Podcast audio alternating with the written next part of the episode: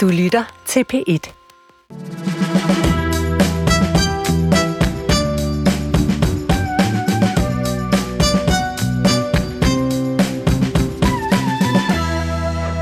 Den her lille lyd, den indikerer, at det er tid til Svingdøren her på øh, P1, dit nye radiotilbud sådan en øh, lørdag formiddag. I Svingdøren, jamen der inviterer jeg tre tidligere politikere her i øh, studiet, tre der har været igennem Svingdøren, om man så må sige, inde på Christiansborg. For hvis vi kigger på ugen, der næsten er gået med politiske briller, og den erfaring, som et liv i politik så giver, har vi så mulighed for at blive lidt klogere på, hvad det egentlig er, der foregår. Hvad pokker har vores politikere egentlig gang i? Og dagens gæster i, uh, i Svingdøren, jamen det er dig, Isabella Arndt. Velkommen til. Jo, tak. Joachim B. Olsen, du er her også.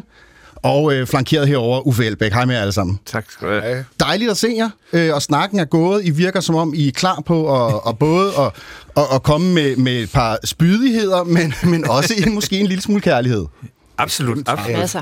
Det er i hvert fald forhåbningen, at vores tre ekspolitikere lukker op for øh, godteposen, og, og både ligesom prøver at forklare os, hvad der er, der sker lige nu om ørerne på os, øh, men vi skal også øh, blive klogere på det, der skete i, i deres politiske fortid, øh, og, og finde nogle paralleller mellem de historier, som kører lige nu, og det liv, de har levet. Jeg hedder øh, Tony Scott, og jeg glæder mig til hver eneste lørdag, og særligt i dag, fordi Jamen, det er ikke hver uge, at en øh, politisk leder øh, pludselig øh, siger til, til pressen, at hun har tænkt sig at opløse sit parti, at, at det er slut med Folketingsgruppen, siger stop på denne her måde, øh, men også siger, at jeg vil gerne fortsætte i et, i et nyt parti. Det er bare det parti, jeg selv har startet og været, været ansigt for, øh, jeg ikke gider mere. Og så er det godt, man har et panel, øh, hvor der både er en herover Uffe, som ja. har prøvet at starte Ja, absolut. partier, siger jeg her. Ja. Og, og, og også to panelister i dag, som har prøvet det her, som Pernille Vermund siger, jeg vil gerne videre til et nyt parti, men hvordan pokker griber man det an? Øh, øh, ringer man bare og siger, øh, hej Morten Messerschmidt, øh, det er Pernille, skal vi drikke kaffe, eller hvad? Hvordan gjorde I? Øh, det glæder mig også til at øh, høre om. Så skal vi tale om krigsfrygt, øh, som jo øh, på en eller anden måde kørte over broen for Sverige denne her uge, da deres øverstkommanderende sagde, har I alle sammen øh, kaldes kaviar nok i kælderen til at klare jer, hvis russeren kommer? Er det en begrundet frygt? Øh, er der egentlig noget at være bange for? Og, og hvor klar er I selv? Velkommen til jer, og særligt velkommen til, øh, til dig, der lytter. Øh, jeg håber, at øh, du har lyst til at hænge på her de næste par timer i Svingdøren.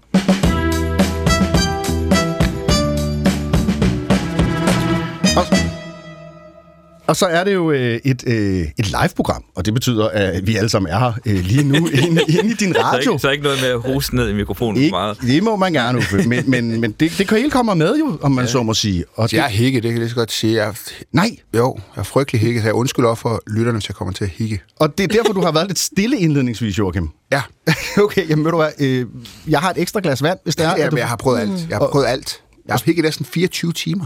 Ej, det er vanvittigt. Nej, Oh, Altså, min far han siger, at man kan godt, hvis man ligesom bukker sig forover og drikker den modsatte kant af glasset og synger. det har jeg prøvet. Jeg har prøvet det. Du har prøvet det.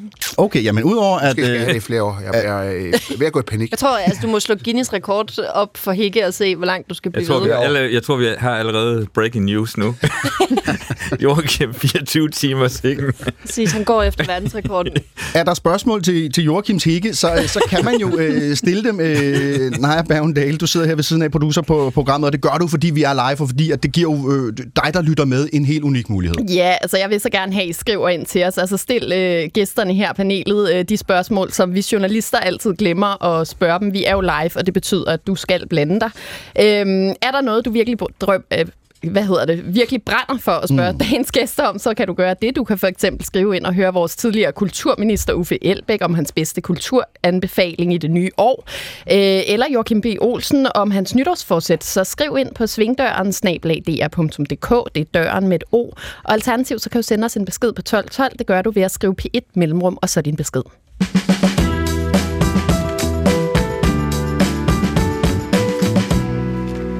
Jamen lad os lige sætte et par øh, yderligere ord på øh, dagens øh, gæster. I er jo tre øh, velkendte navne, kan man sige, både her på, øh, PP, på P1, men også i, i dansk politik. Uffe Elbæk, øh, en af dem, jeg kender, der har øh, startet flest partier. Du tog initiativet til Alternativet tilbage i, øh, i 13 og var politisk øh, leder der fra 13 til, til 20. Så var du med til at lave Fri Grønne, som du forlod i 22, men du har også engang været radikal og, og som Naja sagde, kulturminister. Det var tilbage i, i uh, Helle Thornings uh, statsministertid. Ja, jeg, jeg kunne se på dine øjne, da Naja sagde, et kulturtilbud. Ja, så begyndte det at køre så igennem hovedet på mig. Hvem, hvad, hvad skulle jeg sådan nævne? Mm. Øh, og jeg tror ikke, jeg vil nævne nogen specifikt, men jeg synes, at øh, jeg, jeg vil virkelig anbefale lytterne til at, at øh, komme ud af sofaen og ud og opleve kultur på, på scenerne derude. Og ikke mindst de små scener. Ja. Altså, jeg synes simpelthen, der foregår så fantastisk meget godt, altså både musik, teater og dans.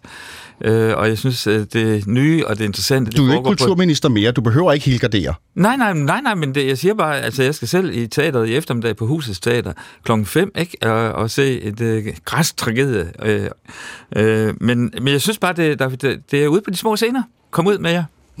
Isabel Arndt, øh, du tog øh, valgkampen 19 med, med storm, da du pludselig dukkede op på vores tv-skærme i en øh, TV2-debat. Det var øh, som repræsentant selvfølgelig for kristendemokraterne dengang, efter Stig Grenov havde fået et ildebefindende, og du gjorde et, et, et godt indtryk. Øh, et godt indtryk også på en, der sidder her. Uffe, kan du huske, hvad du sagde om Isabella Arndt i, i den øh, debat? Jeg, jeg er helt sikker på, at jeg sagde noget rigtig, rigtig godt. Ja, Det tror jeg også. og, og, og, og det var, altså, jeg, jeg minder, jeg mindes stadigvæk, altså den der paneldebat, hvor Stig, han stod ved siden af mig, Øh, altså det var så før du trådte ind mm. på scenen, Isabella, men, men øh, vi stod i den afsluttende øh, partilederdebat, og øh, han stod altså klods ved siden af mig, mm. og så får jeg ordet, og så er man altså selvfølgelig nervøs som, øh, som partileder og skal prøve at få de sidste budskaber ud til, til vælgerne. Og så mens jeg står og fokuserer fuldstændig skarpt på journalisten, der stiller mig spørgsmålet, så besvimer Stig øh, ved siden af mig, øh, og jeg, jeg når slet ikke at registrere det, for, og han bliver slæbt ud af studiet. og så, da jeg så er færdig med at, at komme med mine punchlines, så vender jeg mig om, fordi jeg øh, til Stig, og så er han der ikke. Øh, og jeg har slet ikke, jeg nåede ikke at registrere det drama, der har foregået, og, og seerne har jo heller ikke, fordi kameraet har jo hvilet på mig, men det var meget dramatisk. Ja. Øh, og så kommer Isabella på scenen, øh, ikke på det, ind i det program, mener jeg, men, men det øh, næste. det næste. Øh, og, og der synes jeg bare, det var dejligt at få dig som kollega, så det var dejligt.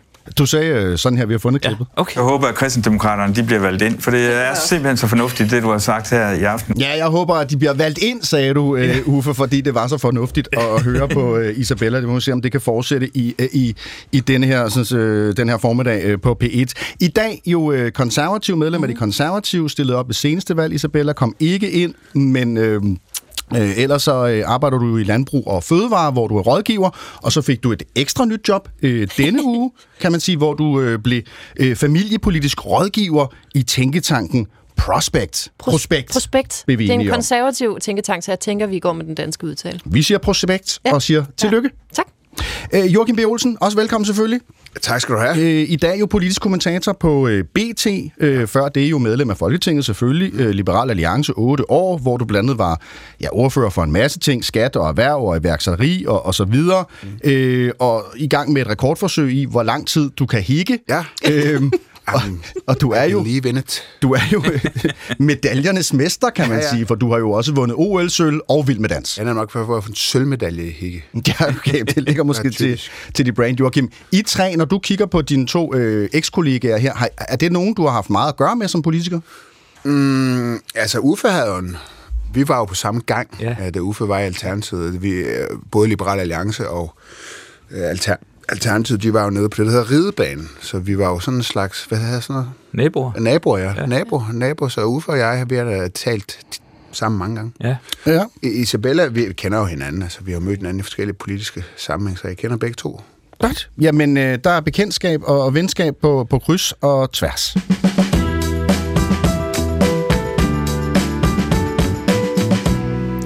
Indledningsvis har jeg jo bedt jer om at kigge i øh, morgenaviserne. De ligger her på øh, bordet i øh, studiet for, at I alle sammen kunne vælge en, øh, en lille historie, som I tænkte var særligt øh, væsentlig og værd lige at, at dvæle med, ved, inden at vi kaster os over ugens øh, emner, som, som, som jeg så har valgt på øh, forhånd. Isabella, lad os bare starte over hos dig. Du hoppede i Berlingeren. Jeg hoppede i Berlingerens kultursektion hvor, øh, hvor der er en anbefaling af alkoholfri vin, fordi der er jo mange, der kører hvid januar. Det ved jeg ikke, om man gør herinde i studiet. Øh, jeg, jeg gør ikke, må jeg indrømme. Men, er det sådan med masser af kokain? Eller? Ja, præcis. øhm, du skal snifte ikke drikke det. Nej, altså, øh, der, er, der er jo sådan en alkoholfri tema øh, i Berlingske i januar, og der er mange, der jo ikke drikker, og der er der er nogle anbefalinger mm. af god alkoholfri øh, hvidvin. Rødvin er stadigvæk lidt noget saftvands øh, så det vil jeg ikke anbefale. Jeg var jo gravid for i sommer, så jeg har jo kastet mig ud i både alkoholfri øh, vin og øl og gin og tonic og sådan noget. Og der er faktisk, jeg synes det er fedt, at der er øh, ting, der faktisk smager godt. Øh, jeg var gravid på folkemødet forrige år også, og, øh, og der får man jo af og til måske drukket en øl eller to øh, i løbet af de der mm. fire dage. Og der var faktisk, altså alkoholfri alternativer på alle bar, øh, også sent ud på natten, og øh, både cocktails og øl og vin og sådan noget. Og jeg synes bare, både her i januar, hvor der er nogen, der sådan er sundhedsmæssigt, eller nytårsforsæt, eller statement, eller hvad ved jeg, øh, vælger alkohol fra, men også bare i det hele taget i vores sådan relativt drukpræget land, at, at det der med at sige, øh, nå, så, skal du, så er du på vandvognen eller på sodavandsvognen. Mm. Det, er sådan lidt, det er sådan lidt børnediskoteksagtigt, og det her med, at vi kan bevæge os ind i en verden, hvor, hvor der faktisk findes noget, der smager hederligt, øh, uden alkohol i, det, det tænker jeg gør det lidt nemmere måske at balancere. Absolut. Uh, uh, Joachim, jeg kunne se, at du var ikke på uh, Hvid Januar. Uffe, er du en uh, Hvid Januar nej, jeg, jeg er ikke, nej, jeg er ikke på Hvid Januar som sådan, men jeg, jeg drikker bare meget, meget mindre, end jeg har gjort tidligere. Altså, det er nok ikke nogen hemmelighed, jeg godt kan klare en god fest, øh, og det har jeg virkelig taget nyt meget, men altså, jo ældre jeg bliver, jo mindre drikker jeg. Hvad og lige for, og lige for øjeblikket drikker jeg nærmest ikke. Er, men ikke... Er det, er det, altså hele tiden. Altså, jeg, jeg, jeg, altså, du drikker ikke hele tiden? nej, men altså, jeg drikker øh, stort set ikke. Er det en bevidst beslutning, eller er det bare Nej, det er kroppen. Sådan? Det, det er kroppen. Øh, det er meget interessant, altså, at øh, kroppen ændrer sig jo over tid. Og at jeg, jeg må bare se i øjnene, at øh, ah, det der med at have tømmermænd dagen efter, det, det er bare ikke mig længere. Mm. Det her med, at der er kommet mange flere, øh, altså det, det er et kæmpe marked også for, mm. for ølbrands, ja. at man skal have en ikke-alkohol-øl af en vis kvalitet, fordi det er et marked, hvor man også kan tjene penge, og det gør jo, at folk gerne vil udvikle gode produkter. Øh, Joachim, men når du ser en, en, en ven eller en kollega, eller du er ude og få en øl, og din kammerat øh, eller veninde siger, øh, jeg tager bare en alkoholfri øl, hvad tænker du så egentlig rigtigt ind i hjernen? Øh, hvor er det kedeligt. Ja, så er de kedelige. ja, så siger jeg bare. Ja, jamen det er også det er helt ærligt. Så, så tænker du, ej, du, ej, hvor er han kedelig, eller hvor er hun kedelig? Altså, man skal ud og have nogle øl. Altså, ja, ja. Det er ikke så sjovt, hvis nogen, der ikke drikker. Nej, Nej jeg tror også, der er sådan, kan ja, der være sådan en middelvej ja, ja, ja. det er måske... Jeg er frygtelig, åbenbart. Jeg er frygtelig. Altså, jeg, altså, det, det, det, tænker jeg, det var det, det derfor, jeg, jeg var sådan... Tænker. Nej, det lyder forkert at sige, at jeg var træt af at være gravid. Det var jeg ikke. Jeg kan godt lide min datter øh, også i dag. Øhm, men... Du sagde ellers lige før... Ja, jeg ved, ej, det er fordi, hun altså, har feber på den der vildt irriterende måde, hvor hun bare vågner hele natten, og jeg har sovet på et gulv og sådan noget. Der er meget sådan more crankiness øh, vibe herovre Nej, øhm, men det er bare for at sige, der hvor jeg synes, nogle af de alkoholfri øl, for eksempel Svanike har lavet sådan Don't Worry Brown Ale, og jeg kan godt lide mørkøl, og det tog ret lang tid før markedet nåede frem til mørke alkoholfri øl. Mm. Der var sådan noget Nordic øh, shop i lang tid. Og, øh, og det gør, at man kan køre hver anden.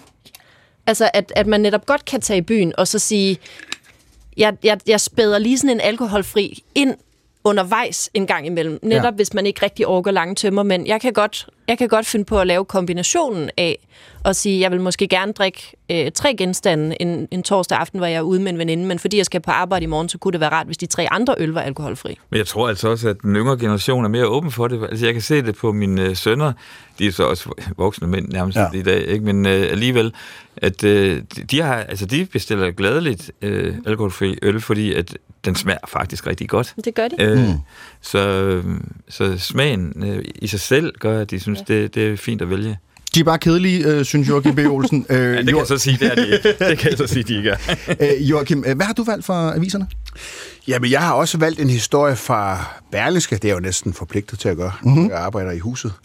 Og det er øh, en historie, som har fået ja, meget opmærksomhed faktisk. Det, det handler om den øh, 81-årige Ebbe Preisler, ja.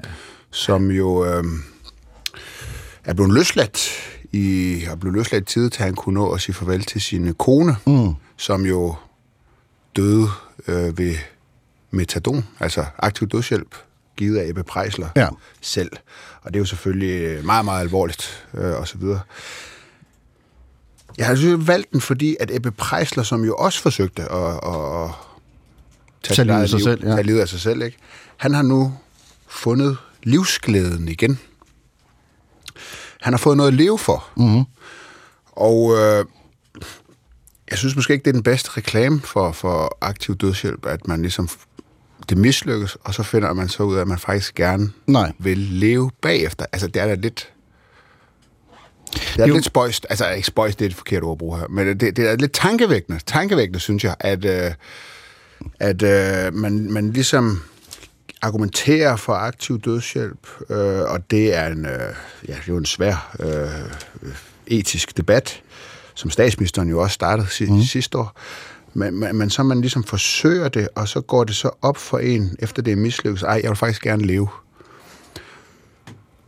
Er det ikke lidt et argument mod aktiv dødshjælp? Det kunne man sige, og, og, og det, det er jo i, i... Hvis man holder den på, på Ebbe Preisler jo en på sin vis positiv historie. Det, der så farver den her historie ekstra, og, og grund til, at jeg tror også, du vælger den, og synes, den er måske også lidt svær at tale om, det er jo, at Ebbe Preisler jo, som du siger, øh, har øh, været med til at tage livet af sin kone, at det har været en, et fælles ønske, måske for parret, mm. øh, at de vil herfra. Og Det, er det tror jeg, det var et fælles ønske. Ikke måske. Jeg tror, det var et fælles ønske, tror jeg, vi skal slå fast. Ja, Ja. ja. Øh, og, øh, og, men i hvert fald, så kan man sige, det er så lykkes i konens tilfælde, øh, og han har skrevet de her farvelbreve mm. øh, til familie og venner, og så har han skulle tage sig selv af dage, og det er så blevet forhindret, og, øh, og han vil så gerne leve igen. Mm. Ja, det er en, øh, en særlig øh, sag, øh, som, som nok kommer til at køre herhen over øh, foråret, og får nogle yderligere, tænker jeg, twists and turns, øh, og, og et par kit, Men jeg kapitler synes bare til. det her, når man nu som 81-årig ligesom kan sige, øh, at man har fået noget at leve for. Ja. Altså, jeg, jeg, jeg siger det, fordi at øh, en anden kollega, vi havde i Folketinget, det var Tyre Frank. Mm. Og øh, vi havde også debatten øh, i Folketinget, også i mit eget parti dengang, øh, om aktiv dødshjælp. Og Tyre Frank var meget imod aktiv dødshjælp, fordi hun sagde, at hun ligesom havde oplevet mange gange, at der kom de her ældre ind på hendes plejehjem, som fuldstændig havde mistet lysten mm. til at leve. Og så kom de ligesom ind på hendes plejehjem Lotte der, øh, og, og så fik de ny livsgnist. Øh, nogle blev endda gift, selvom de var over 80 og så videre. Altså, men de, de fik virkelig øh, indhold og værdi i tilværelsen igen. Og der er jo det der dødshjælp, det er jo lidt, altså det lykkes, så er det jo lidt uigenkaldeligt. Ja. Øh, og det, det, det, det kom jeg bare til at tænke på, da jeg læste om, mm. om Ebbe Preisler her. Altså, Men altså, jeg, jeg, ja. jeg synes jo bare, at altså, jeg, jeg er for aktiv dødshjælp, og, øh, og nu fik vi at vide, inden vi gik i gang med det her øh, program, at vi, det her skal ikke være noget debatprogram. Mm. Øh, så det her det er ikke for at starte en længere debat, men, men jeg, jeg synes, det er enhver persons ret til at beslutte, øh, hvordan man vil komme fra det her liv. Ikke? Øh, og jeg kender selv nogen, som er meget syge, øh, og som ønsker en værdig død, og ikke har lyst til at ende som grundsag, ikke? for at sige det meget direkte. Og jeg synes, øh, man skal have mulighed for at sige, hertil er ikke længere. Mm. Øhm, og, og det er da klart, at, øh, at det, du sætter fokus på, Joachim, er jo par- paradoks, det der med, at man gerne vil herfra, og så mislykkes det, og så finder man ud af, at det jo måske er alligevel rart at leve nogle år mere, ikke? Men jeg tror bare, i den der fælles beslutning med, med ægteparet, så, så har kærligheden til hinanden været afgørende, og derfor siger vi, vi har lyst til at slutte det her liv sammen, ikke?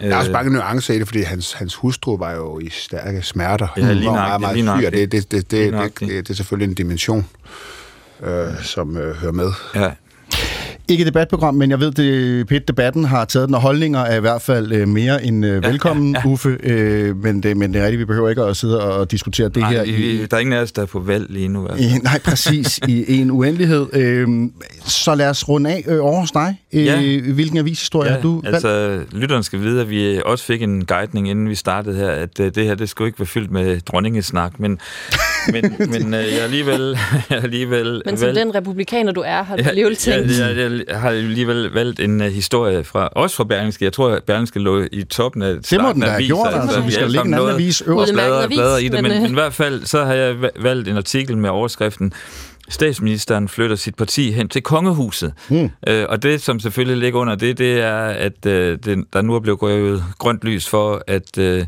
man som øh, folkevalgt socialdemokrat godt må modtage ridderkorset. Ja. Og grunden til, altså det er jo i sig selv underholdende, at, øh, at de har truffet den beslutning, men jeg har så en personlig anekdote bundet op på det, fordi at jeg for 25 år siden cirka fik ridderkorset. Og, øh, og det var altså før jeg var politiker og folkevalgt, og for, for en anden, altså jeg fik det i kraft af, af en anden rolle øh, og betydning, øh, nemlig som rektor på Kærespiloterne. Øh, og det, jeg, jeg var meget glad øh, og stolt faktisk på et personligt plan over at få øh, ridderkortet, fordi det var sådan en anerkendelse af det arbejde, man har lavet. Nå, men så sker der så det, at jeg bliver jo folkevalgt, og, og både på byrådsniveau, men også øh, øh, øh i Helle regering, altså bliver valgt ind i, i Folketinget der i 11. Og når vi så var til øh, øh, nytårskur, så havde jeg selvfølgelig mit øh, ridderkors på, altså jeg ville selvfølgelig stå ved det. Øh, mm. Og jeg var den eneste øh, minister i Helle Thornings regering, der havde et ridderkors. Og når man stod der og legnede op, så var det, kunne jeg mærke blandt mine kollegaer, dammit, hvorfor må Uffe Elbæk have et ridderkors? Fordi jeg vil egentlig også gerne lige øh, op på, øh, med den markering, ikke? Så, så nu håber jeg bare, at der er rigtig mange socialdemokrater, der tør øh, følge deres lyst, og de bliver behængt med ordner. Ja. Det var øh, dagens avishistorie valgt af ugens panel.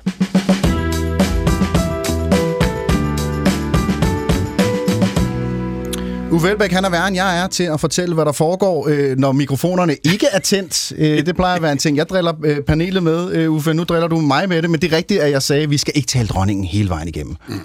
Fordi det orker vi bare ikke. Der er så meget dronningestof, og der har været så meget dronningestof, og der er masser af kommende dronningestof, øh, både i dag og i morgen, bliver jo sovset ind fra klokken 7 om morgenen, sender i hvert fald tv-kanalerne, og der er også masser i radioen. Så ikke så meget dronningestof i, i dagens udgave af, af Svingdøren. Men alligevel en lille krog, der handler og, om, om den historie, Men. som vi starter på. Ja, det var meget øh, Mette Frederiks øh, i virkeligheden. øhm, fordi at øh, først den 28. december, altså tre dage før at dronningen fortalte os alle sammen, at nu var det slut, der fik kronprins Frederik og prins Joachim det at vide. Det har kongehuset bekræftet over for Berlinske Lene Balleby. Hun siger til dem, jeg kan bekræfte, at dronning Margrethe informerede både kronprinsen og prins Joachim om beslutningen 28. december. Hun er jo kommunikationschef i, i kongehuset ligesom i kongehuset, så er politiske partier jo øh, består jo øh, af en, en form for regent, kan man sige, en leder, og der er en circle of trust. Der er nogen, der er de næste, der er troen arvinge. Det er ikke en helt skæv øh, metafor, tænker jeg. Og, og der er også nogle gange en nødvendighed af, hvornår får man noget at vide, og hvem ved hvad, sådan at, at, at det ikke siver øh, for meget. Men jeg kan ikke lade være med at, at, at tænke over det her med, at hvis nogen skal overtage ens job, at man så først siger det tre dage før, at den dag kommer, når den, der skal overtage ens job, endda er ens egen søn. Øh, jamen, det er overraskende for mig i, i hvert fald, og der er også blevet spekuleret i medierne om, hvorvidt at der har været manglende tillid i kongehuset. Hvad er det egentlig, øh, det her sådan, er et, et tegn på? Var, var det noget, I tænkte over det her med de tre dage? Spekulerede I over det? Det er lang tid i politik, du. Det er ja. lang tid. Det er lang tid i politik, det er okay. Tid ja. at, at gå og vide noget. Ja. det er jeg fuldstændig enig i. Okay. Det her med, med tillid og med viden, øh, hvor vigtigt er det som politiker? Altså det her med, at man har, at, at tilliden er intakt, Uffe? Nå, men altså for mig er tillid fuldstændig afgørende i politik. Altså, og det, det kan jeg se igennem øh, jo efter mange år, øh, som jeg var politiker, at øh, dem, som, øh, som jeg havde, havde en tillidsrelation til, det var også dem, som jeg havde det bedst med, og dem, jeg også lavede de bedste politiske aftaler med, og, og som bare igennem øh, både gode dage og dårlige dage, øh, og sådan har jeg det stadigvæk. Altså, der, der, der er kollegaer fra de andre partier, som jeg har en dyb tillid til, og som jeg ved, at øh, hvis vi snakker sammen, så kommer det ikke videre mm. øh, og omvendt. Øh, så for mig er politik øh, lige med tillid. Ja, øh, Joachim, er du så god til at holde på hemmeligheder? Ja, jeg er verdensmester i at holde på hemmeligheder. Er du det? Fuldstændig. Skal man være det som politiker? Du smiler med øjnene, kan ja, jeg ja, ja, se. Er det fordi, ja, du er ironisk, det, eller hvad? Nej, nej, nej, det er ikke. Nej. nej, nej, det skal man. Det skal man da være. Ja. Det skal være god til. Ja, har du holdt på nogle hemmeligheder, som så kom ud senere. Hvad har du holdt på af hemmeligheder? Kan du huske det? Øh, jamen altså, der er jo mange. Øh, jeg kan huske, at øh, da Liberal Alliance besluttede sig for at skulle træde ind i den her regering, Åh oh, ja. det var, det var jeg ikke den første, der vidste. Nej. Men jeg fik at vide øh, et, et par dage før, øh, at øh, Lars Løkke ville melde ud, at han udvidede øh, regering. Det blev til en blak øh, regering. Øh, og øh, det, det var sådan en... Altså, det, det var svært, synes jeg, fordi det var sådan noget... Øh, jeg synes ikke selv, jeg var ikke helt sikker på, at det, det var en særlig god idé. Ja, det er Og, sjovt, og du beslutningen det. var ligesom taget. Den var jo ligesom taget. Det kunne ikke gøres, det kunne ikke gøres om. Og så, og så, og så er det sådan, jeg tror, de fleste politikere jo også har nogle mennesker, måske uden for politik, øh, med forstand på politik, som mm. de måske øh, deler øh, deres tanker med. Og det der med øh, ikke helt at kunne gøre det, øh, når, man, når jeg havde den opfattelse, mm. at nu er vi ved at tage en beslutning, som måske ikke var super klog. Ja, Det var fordi, svært. Nå, men, men må, jeg, må jeg spørge dig, Jørgen, øh, betød det, at gruppen overhovedet ikke var, var en del af, af beslutningen om at træde ind i regeringen? Altså? Ja, det var gruppen ikke en øh, Oh, det er interessant, synes jeg. af. Ja, fordi jeg vil godt lige øh, spille et klip her, og det er jo så med, med, med Joachim øh, fra øh, P1 øh, Debat, Joachim, fordi det, der var pointen dengang, det var jo, at, at I, sagde, jamen altså, hvis ikke øh, øh, topskatten bliver sænket med 5 procentpoint, Ja. så vælter vi regeringen, og den var, du var jo øh, skatteordfører, mm. så den er du ude og stå på mål for, mm. øh, samtidig med, at øh, din partiformand, mm. øh, Anders Samuelsen og øh, Simon Emil, Emil tror jeg, mm. øh, forhandler med Lars Løkke om mm. at komme ind i regeringen. Her er du i P1 Debat. Du er skatteordfører for Liberal Alliance, og I vil gerne have lavere topskat. Den skal ned fra 15 til 10 procent, og ellers er I klar til at vælte regeringen. Det får de rigeste danskere, dem der tjener mere end 467.000 kroner om året, jo flere penge på lommen af, men hvad får alle andre ud af det? Jamen det vi får ud af det, det er, at øh, vi får en højere økonomisk vækst. Vi får simpelthen mere øh, velstand ud af det. Så vi bliver simpelthen et, et, et rigere land, og det er altid bedre at bo i et rigt land end i et fattigere land. Hvordan var det så, Joachim, da du opdagede, at du lyver jo ikke her, fordi det er jo din overbevisning og egentlig også øh, politik, men samtidig foregår der noget andet i, i partiet, øh, som jo gør, at det her ikke ville kunne lade sig gøre, fordi I skal være med i regeringen. Hvordan er det det øjeblik, at du opdager sådan lidt, wow, jeg er ikke en del af indercirklen? Nej, men det altså... Der er flere facetter i det. For ja. Det første, så er det ligesom... Sige, man har en, en ledelse af et parti, det har man jo af en grund. Øh, fordi i politik er det jo sådan, at nogle gange, så skal der tages nogle beslutninger, som ikke kan deles vidt og bredt øh, med alle. Øh, men jeg må også indrømme, at øh, jeg var noget irriteret. Ja. Altså, mest fordi, at øh, jeg havde jo også stået øh, ude ved LA's bagland og sagt, at vi kan regne med, det sådan her, det kommer til Ja. at blive. Det kommer. Og jeg troede jo, det var rigtigt. Ja. altså, jeg løj jo ikke, men det gjorde jeg jo sådan set alligevel. Men Ja. det var... øh, og, og den der retræte bagefter, der kan man sige, der, der Ja, Men du var der, også der, der oplevede jeg, hvordan politik det også, det også kunne... Altså, så, der, så er det sgu ikke lige ja. så sjovt lige Og der. hvorfor var det en dårlig idé, synes du? Fordi at... Øh, jeg havde bare en stærk fornemmelse af, at, øh, at nu bliver det lige lidt for smart. Altså, Ja. når du har sagt én ting, øh, og du gør noget andet, så kunne jeg ikke rigtig finde eksempler på, at, øh, at det blev politiske partier belønnet for. Hvordan foregår det egentlig så, når, når det er... Øh, at, hvordan får du det at vide? Altså, kommer du ind på Anders Samuelsens Nej, jeg, blev, kontor fik en opringning fra Anders et øh, par dage før. Øh, Og så siger han? Så siger han, at ja, vi har truffet den her beslutning, vi gør sådan og sådan. Så siger du, Og så siger jeg, nå, okay, øh, vildt. Øh, jeg sagde faktisk ikke så meget mere Nej. Der, fordi jeg blev sådan lidt overrumplet af det. Men det var også, det er også sådan en situation, og sådan er det jo nogle gange at være øh, folketingsmedlem.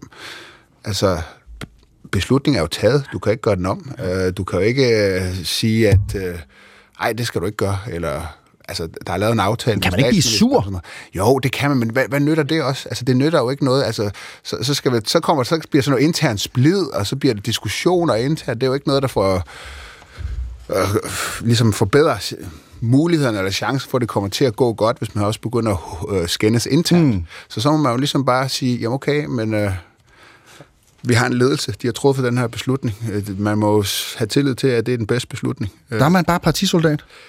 Simpelthen. Ja, det, det synes jeg, man skal. Altså, det er man jo nødt til at være nogle gange. Eller så må man jo melde sig helt ud mm. af projektet. Okay. Så må man jo sige, jamen, så kan jeg ikke være med mere. Det er jo et eller andet sted fair nok. Men man gør enten eller. Enten Enten, eller. så siger man, okay, så bakker jeg op, eller også melder jeg mig ud. Man skal ikke gå og surmule. Øh, Uffe, du har jo været partileder, Ja. øh, så du skulle jo så... på en eller anden måde... Eller var du typen, der bare fortalte alle alting? Det kunne Nej, du egentlig... overhovedet Nå, ikke. okay. Altså, nej, nej, altså, altså mens øh, Joachim snakkede, så tænkte jeg på, hvornår har jeg oplevet øh, det der med at holde på en hemmelighed. Og, og der er selvfølgelig to markante eksempler. Det ene, det er, øh, inden vi lancerer øh, og fortæller offentligheden, at nu kommer der et nyt parti, der hedder Alternativet, ikke? Mm. Øh, det skulle vi jo prøve at holde rimelig øh, tæt. Øh, og vi var faktisk en ret stor gruppe, som øh, vidste om det. Altså, vi var helt op til 25 mennesker, som vidste om det, så det kunne virkelig have hoppet. Og udover det, så var politikens redaktion, de boede lige ved siden af det, der, hvor jeg havde lokaler. Så igennem sådan tre måneder eller sådan noget, så var vi i gang med at bygge et parti op, klods op af politikens øh, øh, journalister. Og de, vi var formået at gøre det på en måde, der gjorde, at de ikke fattede det. Altså, de, de anede ikke, hvad der var på vej. Øh, så det, dengang, der var det noget med at holde på en hemmelighed. Mm. Ikke? Øhm, og så selvfølgelig, da jeg beslutter øh, at stoppe som partileder øh, syv år senere, øh, eller ja, syv år senere øh, i 19, øh, december 19, øh, der, der var det jo også en forholdsvis lille gruppe, der vidste, at øh, nu stoppede jeg. Og det betød selvfølgelig også, at der var nogen, der fik, altså blev meget overrasket i baglandet over, at jeg besluttede, at nu vil jeg jo gerne se den næste generation tage over. Og det er jo sjovt med det der med, når vi så i dag øh, i medierne hører om øh, nye borgerlige, ikke? Altså, og at øh, selv nogle af deres, altså deres spidskandidat til EU-parlamentet, Martin Henriksen, han ikke anede Ja. det. Øh, Jeg skulle altså, sige, hvor stor var den gruppe, da du stoppede som formand? Altså, hvor mange havde du, hvor mange øh, havde du snakket hovedbestyrelsen. med? Hovedbestyrelsen. Okay, det er jo mange. Ja, ja. Vi, vi var ret gode til at holde på vores informationer. Isabella, kan hemmeligheder være en form for valuta i øh, politik? Ja, det, øh, det tror jeg, altså jeg, jo, nej, og det er svært, altså det kan tillid, mm. eller sådan som, som Uffe er inde på, jeg synes tillid er der, hvor valutaen er, og det er ikke kun et spørgsmål om, at det er hemmeligheder nødvendigvis, fordi jo, men selvfølgelig har jeg også blevet, så har der været, øh, altså så har Mette Frederiksen ringet rundt til partilederne, fordi der var noget med en evakuering i Afghanistan og ting, man skulle videre og sådan noget. Det er jo hemmeligheder. Mm. Men, eller, altså jeg fortalte ikke nogen, da jeg stoppede som formand, så, så jeg kan godt forstå, hvordan Nyborgerligs bagland har det lige nu. Ja. Øhm, nej, men jeg synes, tilliden er afgørende. For mig har det mest været også nogle sådan, altså mellemregninger eller taktiske ting, eller sådan noget, hvis man kan mærke i en forhandling, at, at nu sad jeg jo i, sammen, med, sammen med nogle af de borgerlige, hvis man kunne se, okay, jamen, radikale eller et, et eller enhedslisten, eller hvem nu må det er, et, et parti, man normalt måske ikke er så enig i, øh, har fat i en lang ende og sige, kan vi, kan, kan vi lige prøve at snakke om det her? Kan vi lave gensidigt pres ud i vores grupper? Kan vi, altså, så jeg synes, det er jo også sådan en forhandlingstaktik, og det kan du jo kun, hvis man kan stole på de mennesker, man taler med om det. Og, og der er jeg i hvert fald sådan, at hvis jeg først har oplevet at brænde nallerne på tillid, så vender jeg ikke tilbage. Altså, og det er en valuta. Det at være ja, den, man mm. kan stole på. Men, men noget, som, som øh, jeg skal sige, står lige ved siden af den her diskussion, det er jo, er Christiansborg fuld af rygter Ja. og slader. Ja. Det kan du bande på. Hold altså, øh, altså, det hus er bygget på rygter. Mm. Øh, og og, og det, det er jo lidt, jeg ved ikke om, om er det kusinen, kusinen eller fætteren til hemmeligheder, det ved jeg ikke. Men i hvert fald, øh, der bliver sladret meget. Ja. Ja. Det gør der på de fleste arbejdspladser. Ja. Jeg tænker, at Christiansborg helt klart er i, i, den, i den tunge ende der. Har I nogle hemmeligheder øh, stadigvæk fra, fra dansk politik? Sidder I på nogle hemmeligheder? Ja, det gør jeg da. Ja. Og jeg kommer ikke til at fortælle dem. En lille ting. Kan du sige, hvad det handlede om? Bare i hvilket område nej, vi er? Nej, nej, det, det har jeg ikke lyst til. Men, Bare en men, lille sådan- øh, men, men altså, man, man laver jo øh, nogle personlige aftaler med hinanden. Er det fordi Joachim er her? og, og, og, og, og, det. hvad hedder det, øh, og, og det har jeg respekt for, at øh, det bliver mellem os, der var involveret. Men, men nu arbejder jeg som øh, politisk kommentator, Ja. så jeg taler med mange øh, politikere, og der er jo også sådan nogle gange, øh, så er der jo nogen, der taler, så kan man jo tale øh, til baggrund, ikke? Mm-hmm. Og der er tillid jo også vigtigt. Det er Ja. ja. jo vigtigt, at jeg taler med en, en politiker, at øh, jeg selvfølgelig respekterer, at vedkommende ikke vil have sit navn i avisen osv. Så, videre. så tillid i politik, i alle mulige steder i samfundet, det er selvfølgelig utrolig vigtigt. Man kan også se, når tilliden ikke er der. Fordi da jeg så sad derinde, og vi havde, øh, i, vi havde fået den her vlak-regering, der havde LA jo nogle øh, kontroverser med Dansk Folkeparti. Mm-hmm.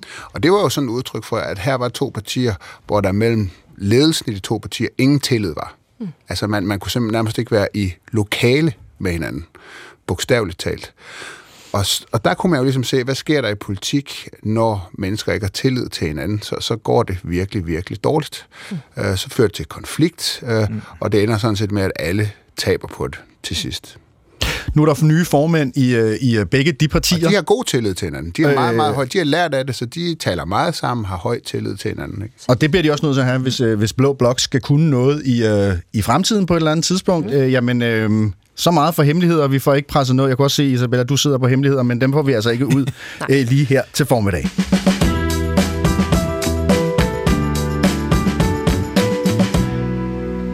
Jeg tænker, at øh, vi lige hopper over på øh, sms'en og e-mailboksen sammen med øh, dig, producer Naja, og høre, om der er nogen, som, øh, som byder ind og gerne vil øh, blande sig i snakken her i studiet. Jamen altså, Joachim, vi har utrolig mange lyttere, der er bekymret for din hække. Hvordan går det med den? nej, nej, nej, nu der skal jeg sige, det må jeg gerne sige det her.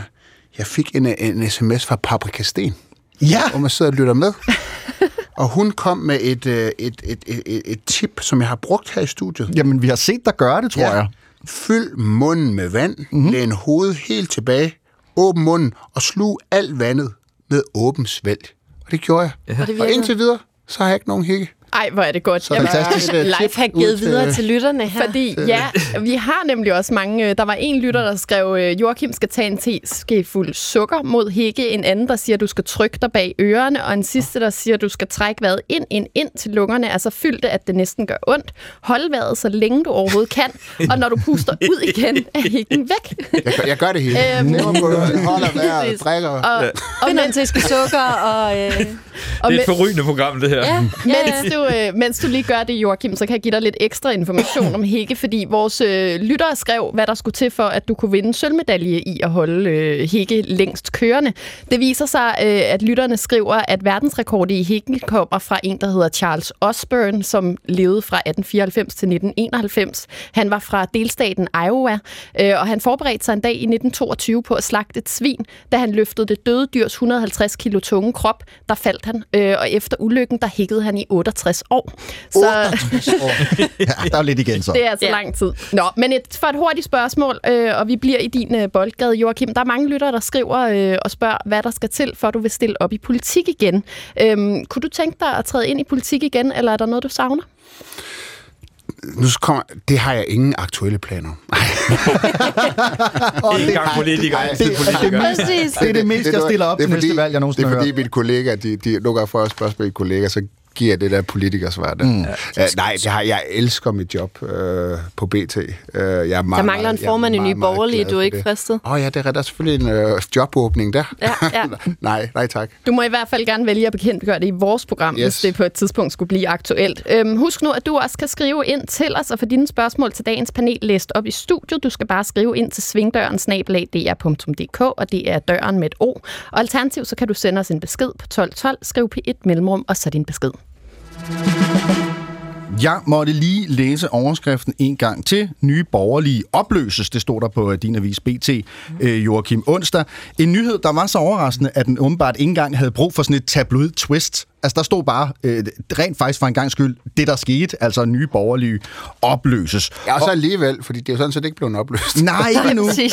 så der var I lige lidt hurtigt på aftrækkeren. Ligestallet bliver for højt til BT, hvis vi skal skrive nye borgerlige vil opløses. kunne stå i en, i en gul bjælke, kan man sige. Ikke? Ja, det er ikke oplyst endnu, men det sker måske på en kommende generalforsamling. Jeg tvivler, det kan vi, jeg tvivler. Kan vi, kan komme til. Men på en skala øh, fra øh, Per Frost i Socialdemokratiet, som monotont siger sådan her, jeg, jeg kan slet ikke beskrive, hvor, hvor stor en oplevelse det var. Og så op til Uffe Elbæk, der siger... Ja, men, ej, men, ej, men det, det, det, hvad, hvad, hvad, er det crazy, det her, mand? Hvor, hvor vild er... Hvor vild en historie, Isabella, er det her så? Ah, jeg synes ikke, det, jeg, jeg hælder mod hampen. Det du, du meget på Per Frost, altså, ja, det er, fordi... Yeah, Frederik Frost. Frederik Frost. Altså, det er jo ikke det er jo ikke øh, sunde livstegn for et parti, at Pernille går af i hvad? Øh, vinteren 23 sidste år, ikke? Altså, det er et år siden, hun går af som formand. Ja. Så bumler Lars Bøje rundt i en måneds tid, fucker det op, går af, bliver smidt ud. Hun kommer tilbage, fordi der bare ikke er andre bud. at, at hun så bagefter finder ud af, at hun ikke vil være formand, er jo faktisk sidste års nyhed. Altså, så, Okay. så, så det, altså jeg vil sige, det er jo ikke, fordi jeg sidder og siger, at jeg havde set det komme, fordi jeg har også selv været leder af et parti, mange har dømt ud mange gange, og, og holdt det i live længere, end man måske øh, skulle have gjort. Og, øh, men, men jeg kan, jeg kan jo vidderligt godt forstå, at man som partileder kan nå til den konklusion, at ens parti ikke er levedygtigt, og derfor har lyst til at lave noget andet. Lad os lige prøve så at, at rise øh, partiets øh, historie op, og, og måske i virkeligheden mest nyere historie. Øh, men indledningsvis altså stiftet i 15, i Folketinget i 19 med fire mandater, øh, lykkedes med en, med en lille fremgang i, i 22 øh, til seks mandater, ført an selvfølgelig af den politiske furie, øh, Pernille Vermund hele vejen igennem. Den senere tid har været mere udfordrende, kan man sige, for partiet. Det startede allerede på valgaften, hvor der var håndgemæng mellem øh, et daværende øh, øh, folketingsmedlem, Mette Thiesens kæreste, og et andet øh, nyborgerlige medlem. Hun er jo så i dag øh, med i Dansk Folkeparti, og det er hun sammen med Mikkel Bjørn, som forlod partiet, da Lars Bøje Mathisen blev formand, efter at Pernille Vermund, altså som du siger Isabella, for et år siden øh, meddeler, at nu ville hun trække sig fra posten. Lars Bøje nåede så 30 dage øh, før, at han blev afsat øh, og ekskluderet i øvrigt af en enig hovedbestyrelse. Jeg var noget overrasket. Jeg gik jo seng klokken halv 11, og der var jeg formand for, for Ny Borg. Så stod jeg op og fandt ud af, at øh, i løbet af natten var, var blevet ekskluderet. Ja, han var noget overrasket, og det forstår man jo øh, sådan set godt. Så var Pernille så altså så ja tilbage.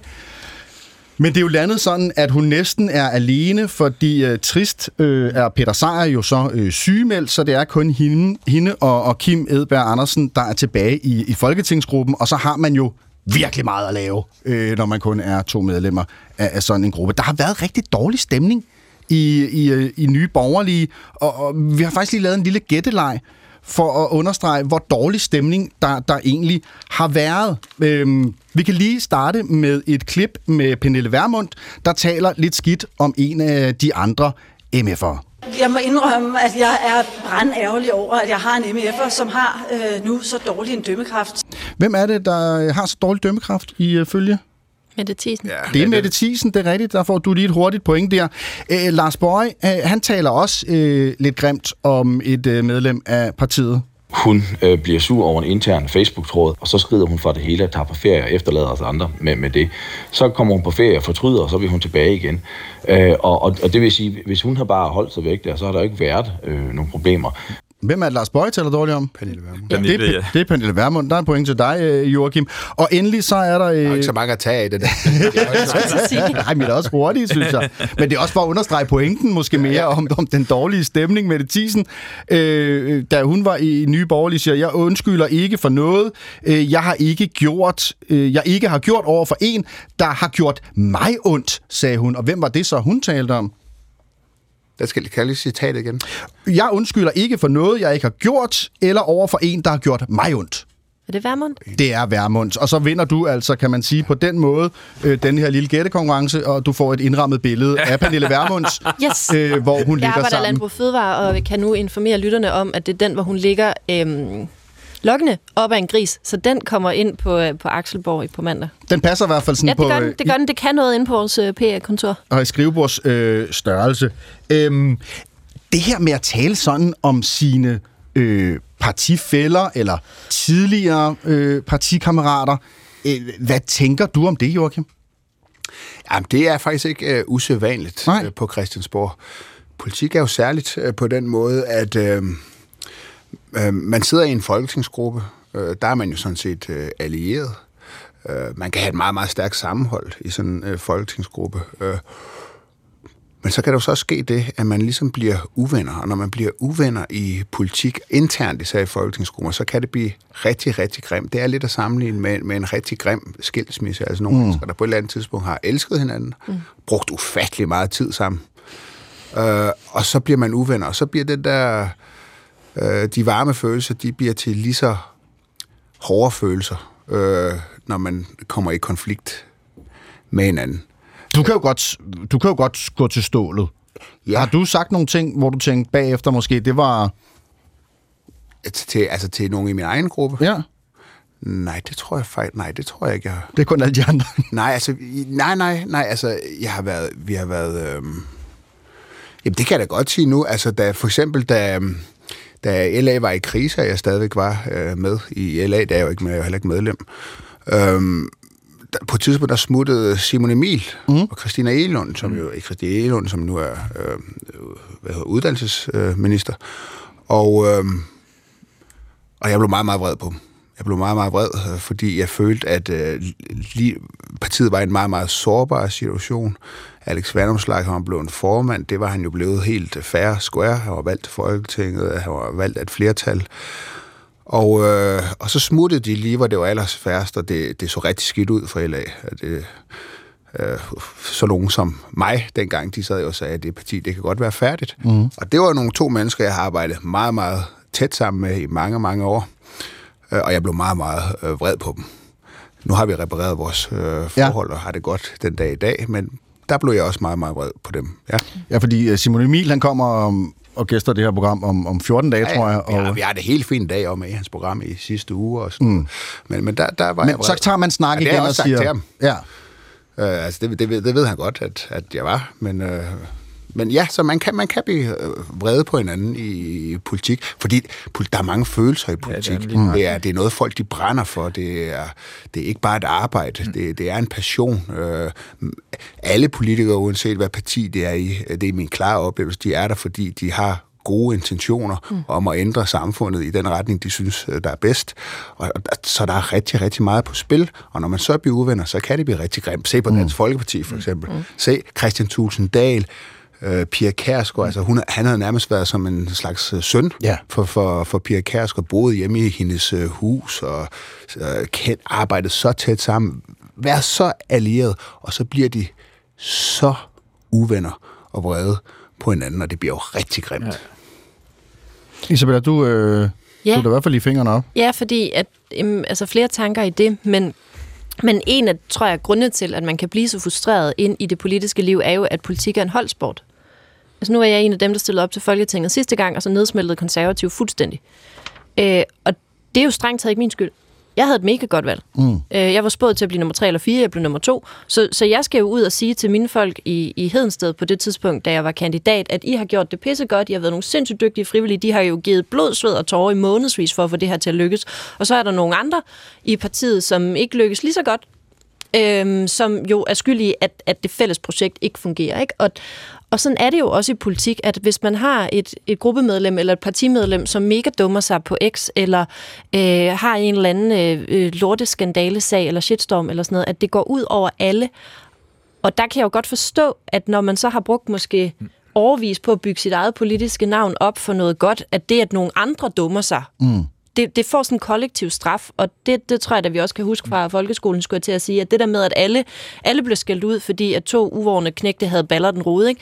Det, det tror jeg ikke, de 28 andre børn synes var en god oplevelse. Og sådan er det jo også bare lidt i politik. Jeg vil sige, øh, i hvert fald da jeg øh, gik som formand, hvad der jo ikke var nogen, der vidste øh, før Ritzau, så, øh, så besluttede jeg mig for ikke at ville øh, dele ud af den øh, hvad skal man sige, mindre flatterende side af årsagen til at gå. Og det er jo også, men, men jeg tror, det, det kræver en, en ret insisterende beslutning.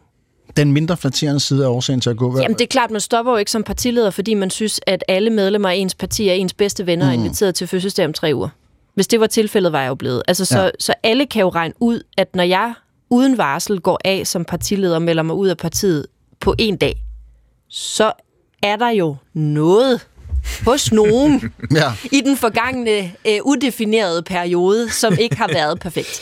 Ja. Og, og det er klart, der er der jo også massevis af journalister, som vil have alt det der grums, og ligesom vil have at vide, hvem sagde hvad, hvornår, hvem er det, du synes er et fjols og sådan noget. Og der kan man jo godt vælge at sige, det kan jeg jo godt synes derhjemme. Det gjorde jeg så også i Versaler, og det gik lidt ud over min familie, tror jeg. I, øh, i, øh, i, I kristendemokraterne, der har det jo været sådan, at, at i hvert fald landspolitisk, der har der været et, et ansigt øh, tysk på til, til folketingsvalget. Det har været dig, og så har det været Grenov på et tidspunkt, øh, Karlsmose på et tidspunkt. Øh, og, og sådan er det jo også i Nye Borgerlige. Altså, der er det jo det er meget Pernille Vermund. Sådan er det også over i Danmarksdemokraterne. Det er meget Inger Støjberg. Sådan har det jo også været mm. øh, i Alternativet, Uffe. Ja. Uffe. I må gerne råbe med. og Uffe, det her med, at et parti hænger så meget på ens person, ja. hvad betyder det? Jamen, det havde jeg det da godt med. altså, det, var, det nød jeg da meget. Altså, nu siger jeg det med et smil, ikke? fordi jeg synes jo også, det, vi var et kollektiv, øh, og jeg var rigtig, rigtig glad for, for de folk, som øh, stod tættest på mig. Øhm, og jeg tror da, når, når vi lige hører det der lille klip, ikke? altså det er selvfølgelig sjovt at høre, ikke? men altså, altså politik er jo også, altså som partileder skal du ud og kommunikere dit, øh, øh, dit parti, og øh, vælgerne vil have noget af dig, og, og de vil også øh, vide meget om dig. Øh, og der, der er det jo så et spørgsmål, hvor meget man vil dele, og hvad man ikke vil dele. Mm. Men, øh, men øh, på den måde er det jo showbiz, øh, som der var en, der sagde for grimme mennesker. Det altså, øh, Ronald Reagan, showbiz ja, ja. for ugly people. Ja, ja. men øh, altså, det betyder rigtig meget.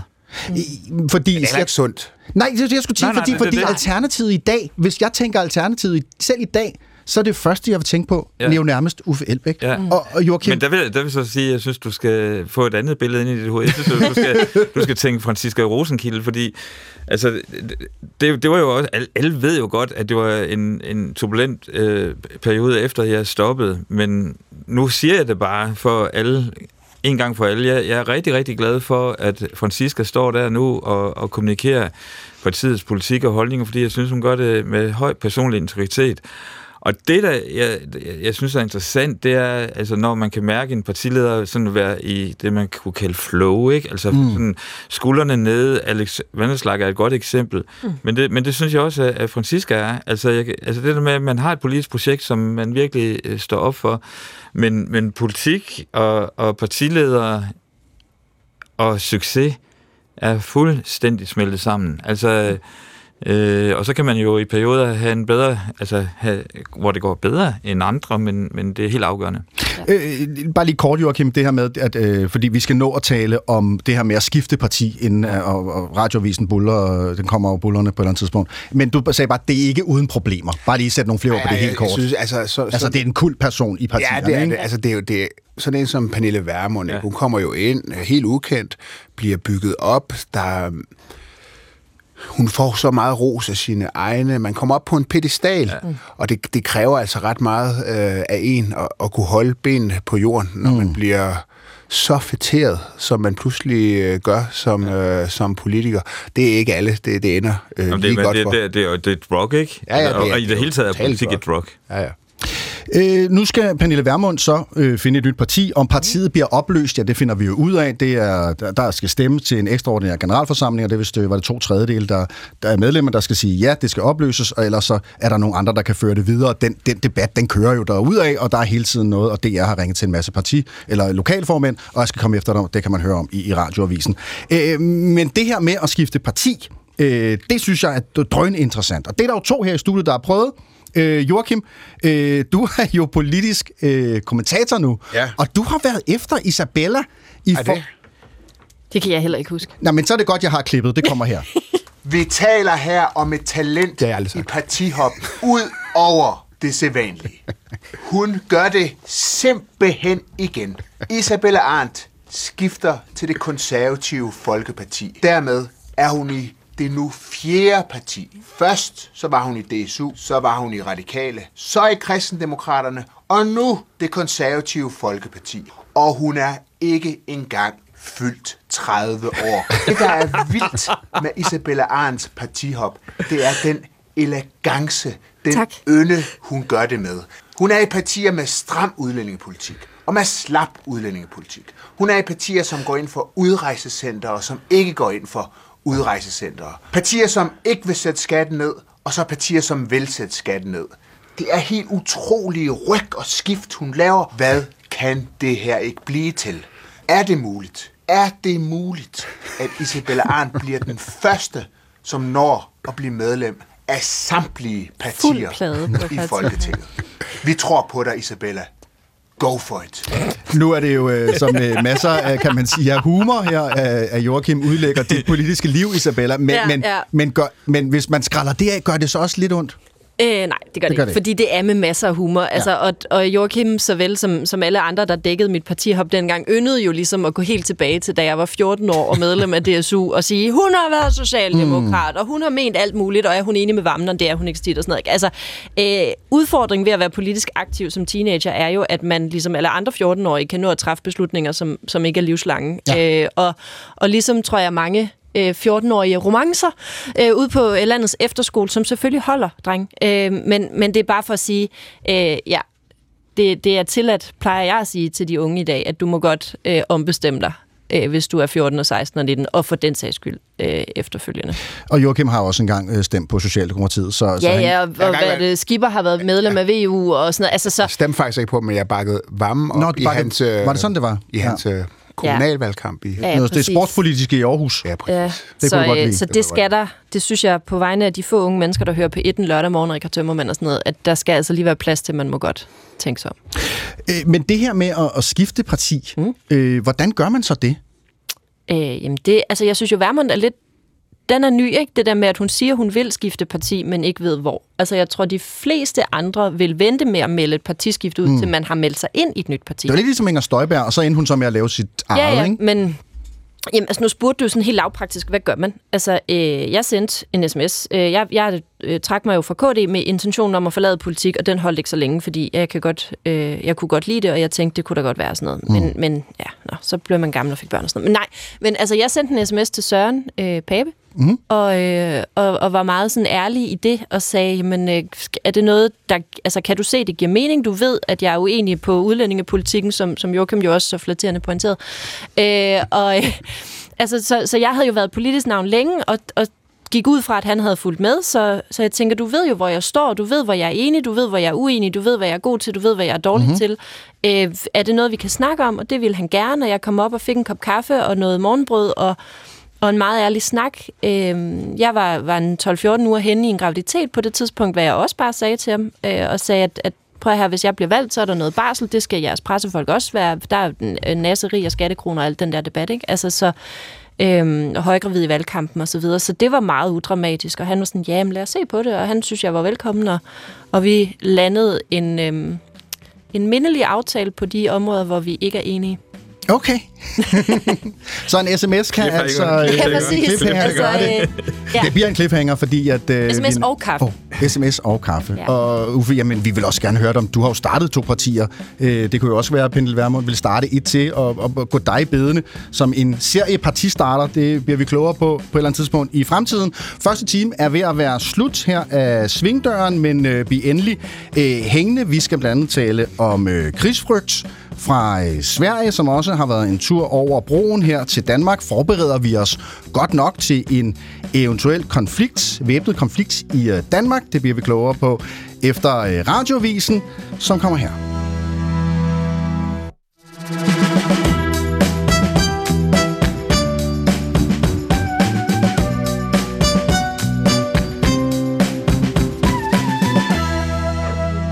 Hvis du lige har tændt for din radio, jamen så er det, der foregår på P1 her lørdag formiddag, ja, noget ganske nyt. Et øh, nyt program, som hedder Svingdøren. Vi havde premiere sidste lørdag, og øh, man kan sige, det er så øh, ja, anden udgave, vi har øh, gang i, i i dag. Og, og det, der sker lige nu, det er, at folk lige er ved at finde tilbage til pladserne i øh, studiet, fordi vi starter time 2 uden Uffe Elbæk.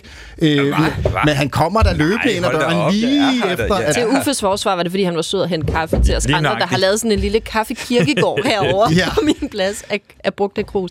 I er gode er I. Øh, Svingdøren, det er jo øh, her, hvor at vi tager øh, de historier, som har optaget os øh, stort og småt i løbet af den seneste uge, og så kigger vi på dem gennem politiske øh, briller, øh, hiver forhåbentlig lige feltspaden frem og hører øh, nogle gode anekdoter og paralleller og indsigter fra øh, mine gæsters øh, politiske liv. Og, og gæsterne i dag, jamen det er altså ja, Uffe Elbæk, øh, som har været sød, og, og jeg har også fået kaffe, tusind mm. tak for det. Øh, Isabella Arndt øh, sidder over for mig, og Joachim B. Olsen er også at finde her i øh, studiet.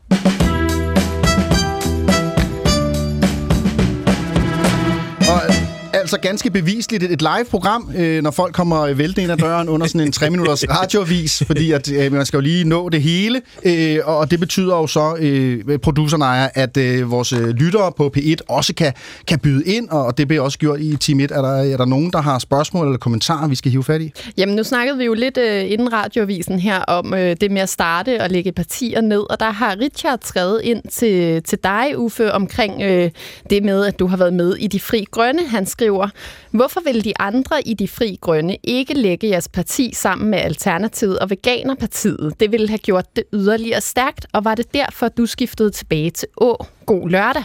Øhm, altså, jeg tænker, han snakker om, ja. om valget i 2022, hvor der var en stor risiko for, for stemmespil, og at man derfor valgte at, at prøve at lægge flere af de grønne partier sammen. Ja. Øh, hvad var dine overvejelser dengang? Allerførst så uh, tror jeg, at de fleste godt kan sætte sig ind i, at jeg synes ikke, det var sjovt at, at skulle gå fra det parti, jeg selv havde skabt. Øh, og jeg vidste også, at hvis der kom en ny partileder, så var jeg i den grad klar til at gå tilbage, øh, og det skete så heldigvis. Øh, så jeg har det sådan lidt, og jeg, jeg siger det med al mulig ydmyghed, men jeg synes lidt, at jeg var udlånt til en, en fremmed fodboldklub øh, i forhold til Frie Grønne, ikke? Øh, og jeg kom så tilbage til den klub, som jeg egentlig øh, hørte til.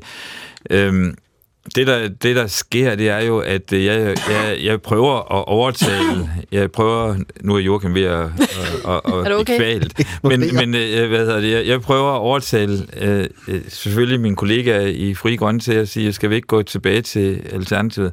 Og de vælger så at sige, nej, det, det synes vi ikke øh, er en god idé, fordi vi har vores eget projekt, øh, og vi er kommet så langt hen i, i det arbejde, sådan, så det vil være illoyalt over for alle de mennesker, der havde bundet energi og, og ja, håb på det. Øhm, men det afgørende for mig, det var jo, at øh, det var vigtigt, at der var en grøn stemme i, i Folketinget, og derfor øh, havde jeg sådan, jeg går tilbage, og så hjælp, gør jeg alt for at hjælpe til, at øh, at øh, Alternativet stadigvæk er på Christiansborg, og det lykkedes heldigvis. Mm. Og det binder en lille smule sammen med et andet spørgsmål, som, som der er en lytter, der har skrevet ind. Øh, han skriver, at det kan forekomme, at magt er vigtigere end handlinger, der kan gøre en forskel. Hvad er jeres oplevelse nu, hvor I ser det udefra? Øh, Isabella, hvad tænker du om det? Altså, har det ændret dit forhold til politik nu at se det udefra? Synes du, at, at politikerne lidt for ofte kører spillet, i stedet for at, at få reel politik igennem? Altså med risiko for at blive smidt ud af det her eks-politikerprogram, vil jeg jo bare lige minde lytterne om, at jeg aldrig har været folkevalgt. Jeg tror, jeg er den eneste ikke-folkevalgte politiker i Danmark. Øhm, Landskendte. Ja, præcis. Lands, landspolitiker i Danmark, ja. der aldrig har været valgt til noget. Øhm, altså, jeg tror, at der er en risiko, men, men jeg bliver også nødt til at forsvare magtbegrebet så langt og sige, at det er jo magten, der gør en forskel. Altså, der er en lidt fjollet øh, diskrepans mellem, at man siger, at du skal vælge mellem magt og det at gøre en forskel. Og, og med det mener man jo nok, at du skal ikke gå efter magten på bekostning af det, du vil gøre en forskel for. Så jeg forstår godt lytterens spørgsmål, men, men der er jo også bare at sige, at der er jo ingen, øh, der er jo ingen idealister, der, der sidder derhjemme i sofaen og ændrer grundloven. Altså så, så på et tidspunkt bliver du jo nødt til at komme ind i det lokale, hvor magten er, hvis du vil ændre noget på din øh, ideologi, eller din holdning, eller din mærkesager. Det er klart, undervejs hen over dørtærsklen til magtens rum, skal du ikke tage dine holdninger af, og så bare mene, hvad end der gør, du kan blive derinde. Øhm, så, det så det, det ja. og, og det kan man jo godt måske, øh, nu prøver jeg at være meget flink over for os øh, tidligere kolleger rundt omkring, og sige, det kan der måske være nogen, der hellere vil have magt, end at stå fast på det, de mener.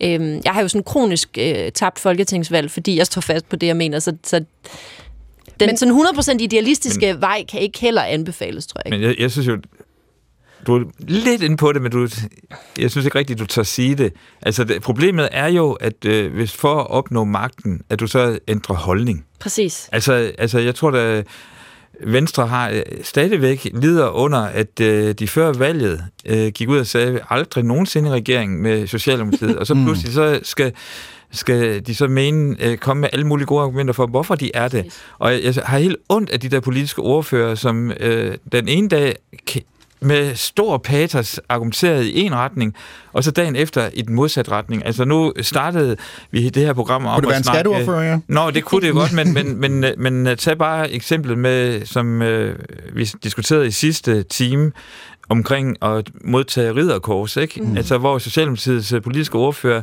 er ude og, og, og fuldstændig skal igennem og sige, det gør vi ikke og sådan noget, og så en dag efter, så går hans egen partileder ud og, og kører ham over og, og siger, det gør vi så alligevel.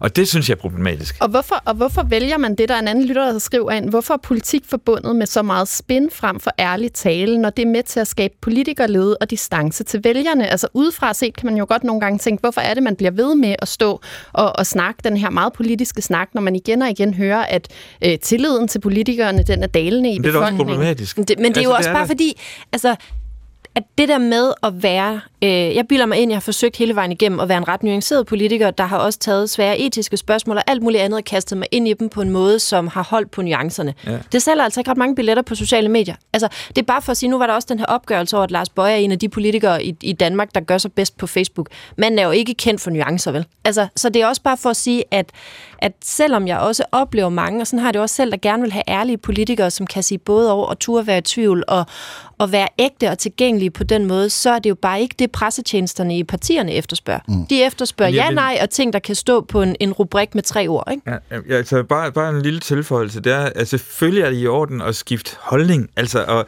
men det der, jeg synes, det vil klæde politikerne, det er så at komme med mellemregningerne. Ja. Hvorfor er det, at øh, vi går med det, og nu mener vi noget andet? Fordi det er jo en del af livet. Det er jo, at øh, man kan få nye informationer ind, som gør, at vi bliver nødt til at ændre kurs. Eller, altså, men så kom der med mellemregningerne. Altså, jeg synes, det er pinligt. Ja, eller afvejning. Ja, ja. Præcis. Men, men det, man jo også skal forstå ved politik, det er, at øh, partier øh, har historie. At, parti, at, at, at i politik handler det også om ens eget parti. Ja. Jakob Ellemann sagde det jo sådan, han sagde, Danmark, Venstre, Jakob. Så kan man diskutere, øh, om hans valg afspejler den prioritering altid. Det er ikke det, der er pointen. Pointen er, at partier for politikere fylder meget, og partier er i konkurrence med andre partier, og politik er et nulsumspil. Hvis et parti skal gå frem, så er der et andet, der er nødt til at gå tilbage. Og det, det, det er lidt ligesom fodboldhold også. Og sådan er politik. Det er altså bare et, øh, det er altså et vilkår, man vil gerne have, at sit eget parti øh, klarer sig godt, øh, får mange mandater. Det giver også muligheden for den øh, indflydelse, øh, som øh, Isabella taler om. Det er forudsætningen for den. Men partier er altså også i konkurrence øh, med hinanden, og derfor tager man alle mulige strategiske øh, hensyn og valg øh, øh, nogle gange, og hvor man kan for eksempel se, at at DF og Danmarksdemokraterne, to partier, som ligner hinanden rigtig meget, har meget identisk politik, men det er de to partier, som så også er i krig med hinanden, for de er konkurrencer om de samme vælgere. Og så kan man sige, ej, hvorfor kan man ikke bare lægge det til side og se på Danmark og hvad er bedst for Danmark? Men sådan, øh, det, det er ønsketænkning, altså. Det er i hvert fald... Øh, Partier fylder noget. Det er i hvert fald rigtig dejligt, at I ikke sidder her i dag og snakker politikersnak. Øh, Husk, at du også kan blande dig her i, i studiet. Vi sidder jo og live, så send os en besked på 1212. Skriv P1 Mellemrum, og så din besked.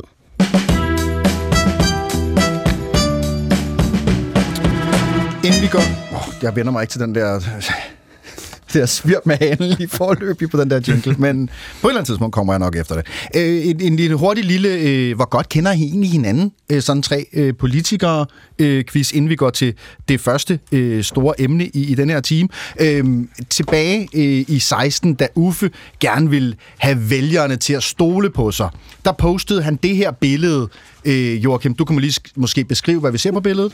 Det er Uffe, som ligger på gulvet, øh, og øh, ovenpå så har han en stol, som balancerer på et ben på hans mave. Han holder fast i de, de to andre ben, men det er ligesom... Den Jeg vil ikke kalde det en kampagne som sådan, men det billede befulgt af et hashtag, som ligesom skulle få folk til at stole på Uffe. øh, så, så hvad var hashtagget, Uffe havde lavet til det her billede for at få folk til at stole på Uffe? Ui. Hashtag... Sagde du ikke lige, det var stol på Uffe? Hashtag stol på Uffe? Det er godt fanget, Joachim!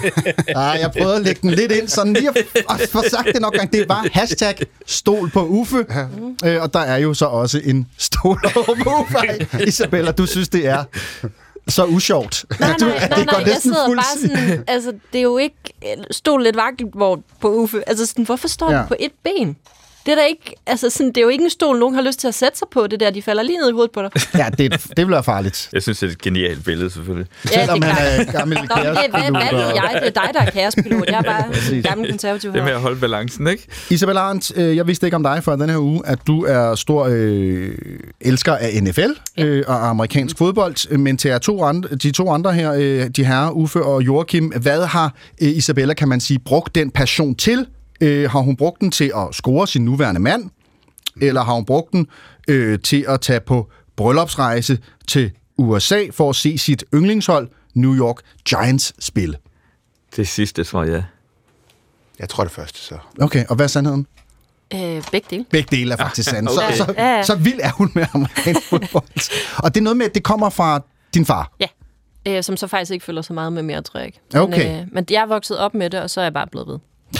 Sidste spørgsmål, øh, det går selvfølgelig på øh, rekordindehaveren her i studiet. Nu blev det ikke til en hækkerekord. Øh, lytter, i team, der, der hørte med i Team 1, vil vide, at Joachim var meget pladet af en voldsom hække, da vi startede programmet, den heldigvis med hjælp fra Paprikasten, ja. Ja, som sms'ede, sms'ede ind, Tip, ja. øh, gået over. Øh, men han er jo den eneste her i studiet, som har en, tror jeg, hvad jeg ved i hvert fald, der må I jo korrigere mig, der har en Danmarks rekord. Har I en Danmarks rekord? Nej. Nej. Nej, nej. Joachim har en Danmarks rekord, som, som står endnu, selvom den har mange år på banen. Hvornår er den sat? Kan du huske det? Øh, I 7, 2007, eller... Er, er det kommer an på indendørs eller udendørs? Ja, okay. Ja, mod- nu, nu. nu bliver det avanceret. Men øh, Eller så er ved det I hvad? fire. Danmarks rekord i hvad? Noget, der kan være indendørs og udendørs. det ved jeg. Ja, Åh, oh, nej. Hvad tænker I om Joachim, når, hvis I ikke tænker politik? Cool, kugleskrider. Tak! Nå ja, selvfølgelig. Og hvor langt har Joachim kastet en kugle? Åh oh, gud, det Støt ved jeg ikke. Ja. Jeg ved overhovedet ikke noget om den sport, men... Hvor langt men, kan man det? Kan man, hvad, kan, hvad kan man kaste? Hvad? En 70 I hvert fald meter? 100 70 meter. 100 Jeg meter og det ikke. 70 meter. Hvor langt- Joachim, nok er du stærk og alt muligt, men hvor, hvor langt? Hvor langt kaster man sådan noget? Min Danmarks rekord, den er 21 61. 21-61 er Danmarks rekorden. Uffe og jeg ved åbenlyst ikke noget om det. Vi kan sige, at vores pu- public service forpligtelse til, er til at løfte Ja, atletiksportsgrene ud til, til, til, til medierne og til, til bredden, hedder det, det, det vil ikke lykkes. Ja, så Nej. nej. absolut Nej. Mere kuglestød på. Alle sportsrelaterede spørgsmål sender vi din vej. Det,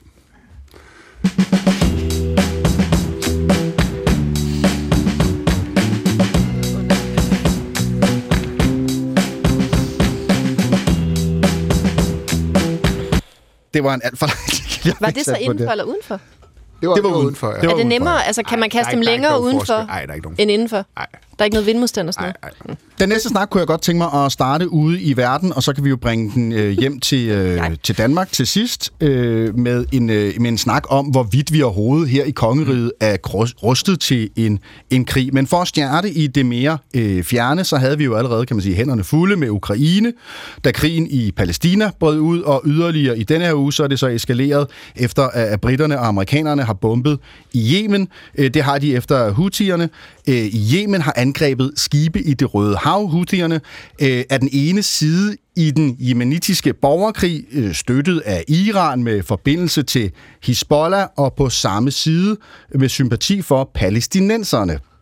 Samtidig så vurderer menneskerettighedsdomstolen så i Haag om, hvorvidt der skal rejses en sag mod Israel øh, for folkemord i Palæstina. Det er jo Sydafrika, som har øh, været på banen i den sammenhæng. Allerede nu kan vi jo godt høre, Lille der hyggedebat. Skal er sindssygt mange... Vi har aktiv øh, dødshjælp i første time, nu går vi til...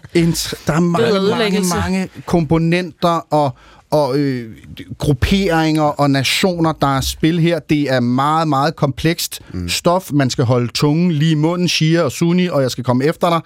Mm. Øhm, men det er jo så også, må man sige, øh, i særligt med Israel-Palæstina, en sag, der skaber en vis belittelse i vores eget samfund. Jeg bare lige høre, Isabella, de her hi- historier, sådan nogle udenrigspolitiske historier af mm. den her kaliber. Mm. Hvordan navigerer man egentlig i det som politiker? Mm, Det tror jeg kommer an på, hvor, hvor tæt på det man er. Altså, jeg har aldrig professionelt beskæftiget mig mm. med udenrigspolitiske sager.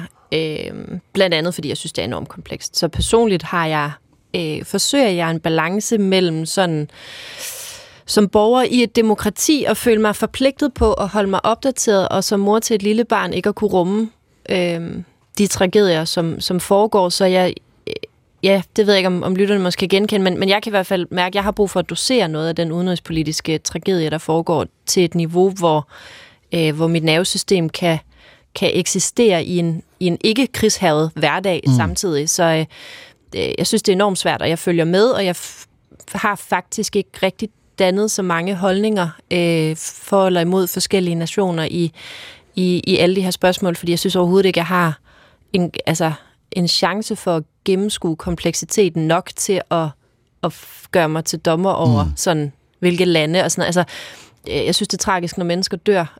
øhm, og, og har rigtig svært ved sådan at nå ret meget længere end det. Ja, og det er jo en holdning, som, som alle bakker op om og, ja. og har sympati for, og, og, og, det, og hele vejen rundt. Men, men som politiker, Joachim, man bliver jo fanget nogle gange, tænker jeg, i, i en debat, eller en snak, eller en voxpop. Øh, der kommer en eller anden journalist fra, fra, fra nyhederne, eller fra en radiokanal, og, og, og så står, kommer man gående derinde på Christiansborg, og så skal man pludselig forholde sig til noget, som jo er meget komplekst, eller man ikke ved noget om. Hvordan gør man det? Og så skal man svare, som Isabella lige har gjort. Er vores politikere gode nok til det? Nej, ikke altid. Nej. Men, men det er det, man skal svare. Altså, man, man skal, altså, politikere skal ikke gå ud og, og svare på ting, de ikke ved noget om. Så skal de sige, ved du hvad, det ved jeg ikke om. Mm. Jeg er ikke ordfører på det område. Der må du tale med vores udenrigsordfører. Mm. Og det er helt legitimt, og det bliver også respekteret af, af politikere, eller af journalister, ja. hvis man siger sådan. Øh, men, men, men nogle gange tror jeg, måske især hvis man er ny i politik, mm. øh, at så kan man føle, at... Øh, det kan jeg faktisk selv huske, jeg havde den der følelse, da jeg blev valgt. Ligesom, oh, nu er jeg valgt til Folketinget, så skal jeg jo vide alt. Ja. alt. Ja, det er da også for præcis. dårligt, at jeg ikke ved alt om alt. Og, og det gør man jo ikke, og det er der ingen politikere, der gør. Og så er det, at man skal tænke som folkevalgt og sige, jamen prøv, jeg har fået et mandat. Øh, det her det er sådan, vores demokrati virker. Nu er det mig, der sidder med den. Jeg har fået det her mandat. Og så må jeg jo øh, sætte mig ned og øh, læse op mm. på ting og tale med folk, der ved mere om det end mig selv. Men det er okay, jeg ikke ved alt om alt Ja. på første dag. Du er jo Og selv... det kommer man heller aldrig til på alle områder. Nu er du politisk kommentator, så skal, ja. du, så skal du så vurdere, om vores politikere gør det godt nok, og hvad de har gang i, og hvad deres motiver er, jeg skal komme efter dig. Men du er jo også selv en, en figur, som gør dig på, øh, kan man sige, de sociale medier, og udtrykker dig, og holdninger der, og på X har jeg lagt mærke til, at du har skrevet rigtig meget øh, om, om konflikten, mm. i den pågående konflikt i Mellemøsten. Så hvordan sørger du for, øh, undskyld, lille Joachim B. Olsen her i Danmark, at du ved, hvad du taler om? Jamen altså, nu må man sige, nu lige den her konflikt, det er sådan en, som altid har interesseret mig, lige Ja. siden øh, jeg var, jeg var barn. Jeg har læst meget om den. Jamen, jeg gør det samme, som jeg lige sagde før. Hvis der er noget, jeg ikke ved, så prøver jeg at slå det op, læse om det, spørge nogen, øh, som øh, ved mere om det end mig selv. Blive ved med at være, øh, være nysgerrig. Men jeg vil også indrømme det her, altså jeg boede i USA under 9-11, mm. påvirkede mig meget, for det påvirkede selvfølgelig alle mine øh, venner rigtig meget i USA, da det var sket. Men jeg må sige, det der den 7. oktober, øh, det, der er ikke noget i min levetid, som har påvirket mig så meget, gjort så dybt indtryk på mig. Øh, og jeg har ikke kunnet tige stille om det. Mm.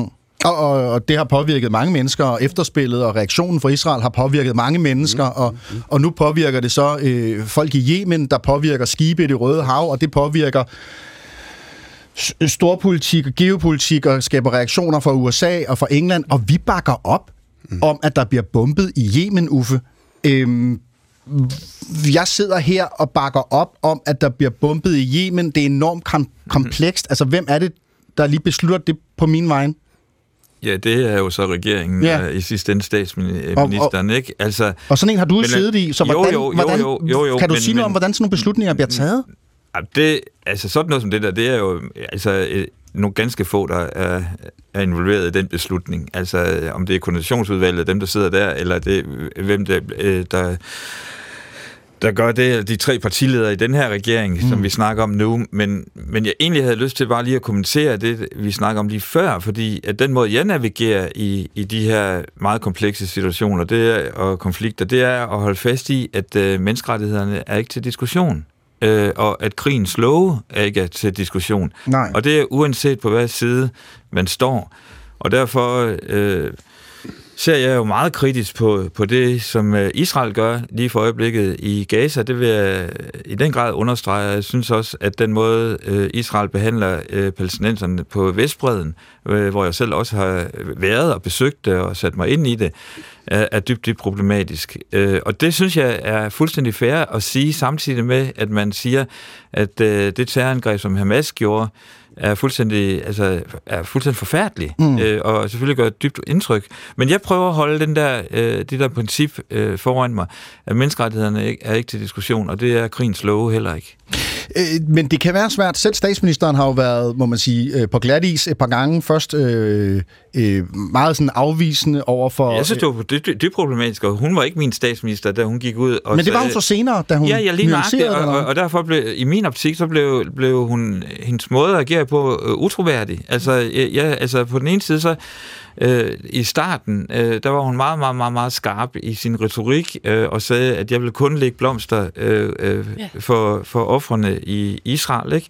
Og så sker der det, at øh, som måske kommer bag på hende, det ved jeg ikke, men i hvert fald øh, kan hun jo godt mærke, at det er nødvendigvis ikke holdningen øh, ude i landet, øh, og at øh, der var mange, der var fuldstændig dybt berørt over, at, altså, når de så billeder fra Gaza, og at 20.000 mennesker er, er, er blevet dræbt, og øh, 8.000 af dem er børn, altså, mm. øh, og, og så, så går statsministeren ud sådan øh, på efterkant, og så siger, at hendes hjerte græder.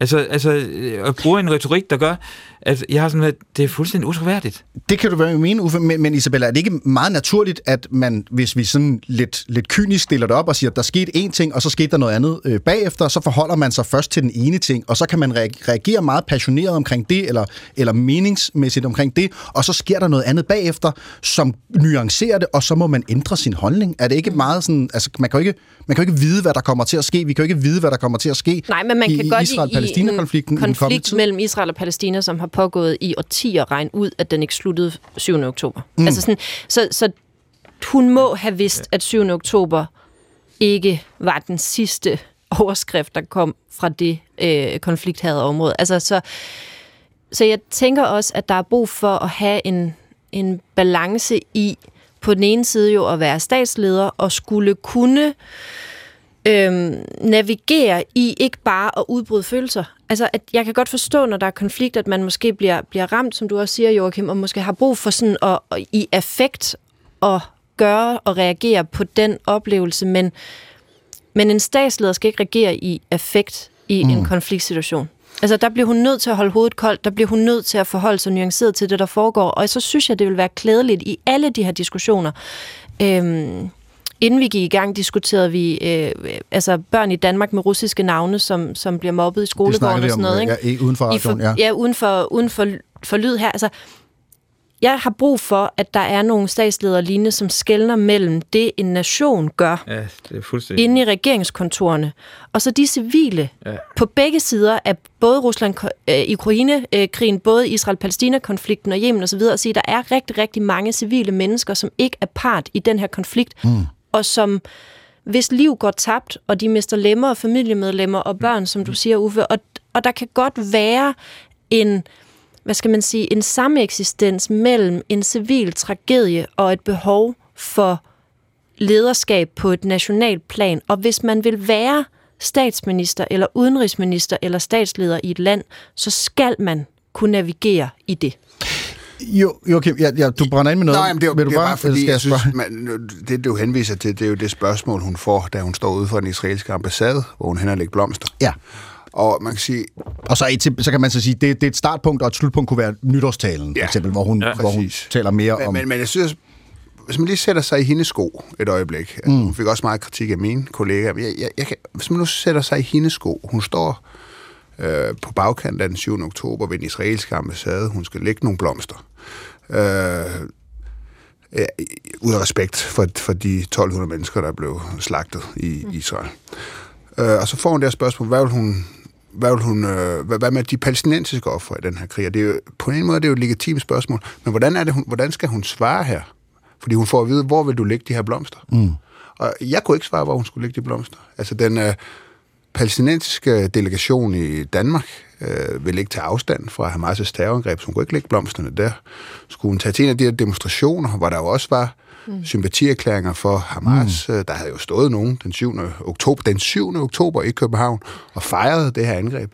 Skulle hun tage til en af de demonstrationer og lægge de her blomster? Det kunne hun ikke. Altså, det er jo sådan et, jeg siger bare, det er sådan et, et, et det, det, det er noget, der er svært for en politiker at håndtere ja, rent praktisk. Meget, meget svært. Men, men, men øh, Joachim, altså konkret er det jo rigtigt, altså, at øh, hun var i det her dilemma, hvor skulle hun lægge blomsterne, men det er jo ikke det, hun gjorde. Hun blev død irriteret over overhovedet at få mm. et spørgsmål fra en journalist, som var fuldstændig legitimt. Jeg synes, jeg... Og, og, og jeg synes, hun håndterede det helt forkert. Ja, hun kunne godt have svaret bedre, det tror ja. jeg måske også, hun selv tænker i dag, men igen... Givetvis. Igen, så er det sådan noget med, det er jo der, hvor det, det er bare svært at være øh, mm. politiker. Alle vi andre, vi kan sidde bagefter og sige, at hun skulle svare sådan og sådan. ja, ja. sådan. Nå, nej, hun men... står der lidt for følelsesmæssigt påvirket af, af situationen, og så kommer hun ikke lige med det perfekte svar. Men er det ikke der, hvor at, at vi forventer af vores politikere, at de kan være en ledestjerne, der gør, at den her konflikt ikke rejser til Danmark. Jo. Altså sådan, at vi kan tale om det, og vi kan udveksle meninger, og man kan, man kan have sympati for, for det ene og for det andet, men at vi i hvert fald stadig kan se hinanden i år. Altså fordi... Jo, og det er fint at have høje forventninger, men, men de er altså også mennesker, der bliver påvirket af...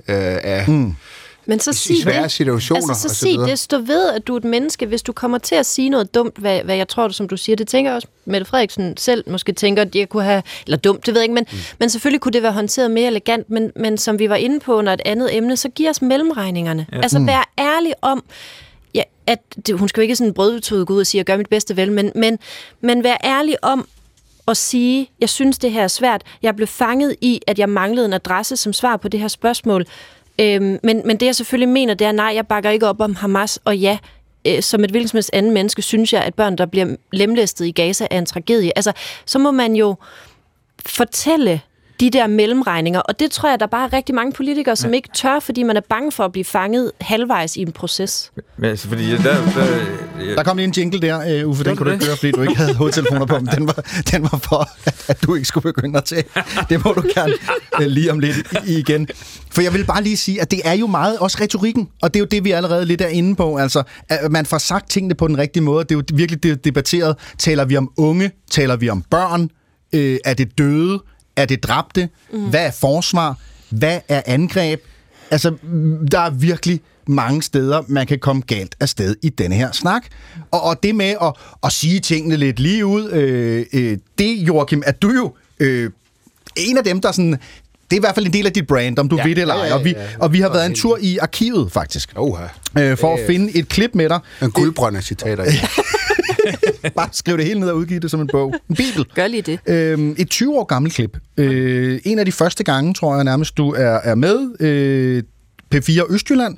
Mm. Øhm, øh, hvor du taler om det her med... Det var en anden tid. Det vil jeg gerne starte med at sige. Bare roligt. Det, så farligt er det heller ikke. Men du taler og, om og det... du har ikke røget, vel? med at have, have holdninger. Nej, jeg spurgt om ting, så svarer jeg. Og siger min mening. Er du en rebel? Det er jeg ikke. Altså, jeg har lidt fået det ry, øh, men det, det er sådan set kommet lidt bag på mig. Men altså, nogle gange så, så kan det, det være et problem, ja. når det, hvis det er et kontroversielt emne, og ligesom få forklaret. Altså, der kan være så mange aspekter i det, at det kan være, det kan, man kan nemt kan blive misforstået. Og det er jeg måske også nogle gange blevet, men altså, når jeg bliver spurgt, så svarer jeg. Altså, dengang, der var du så kendt som kuglestøder, så blev du politiker, og nu er du politisk kommentator, og på en eller anden måde, så er det jo en rejse i, hvordan man kommunikerer som et sportsforbillede, som politiker, og nu som en medieperson. Og, og det her med, hvad kan man tillade sig at sige, og hvornår støder man folk? Mm. Øh, hvad har du gjort der erfaringer øh, der, fordi du har jo den her energi mm. af, at du siger, hvad der passer dig, ikke?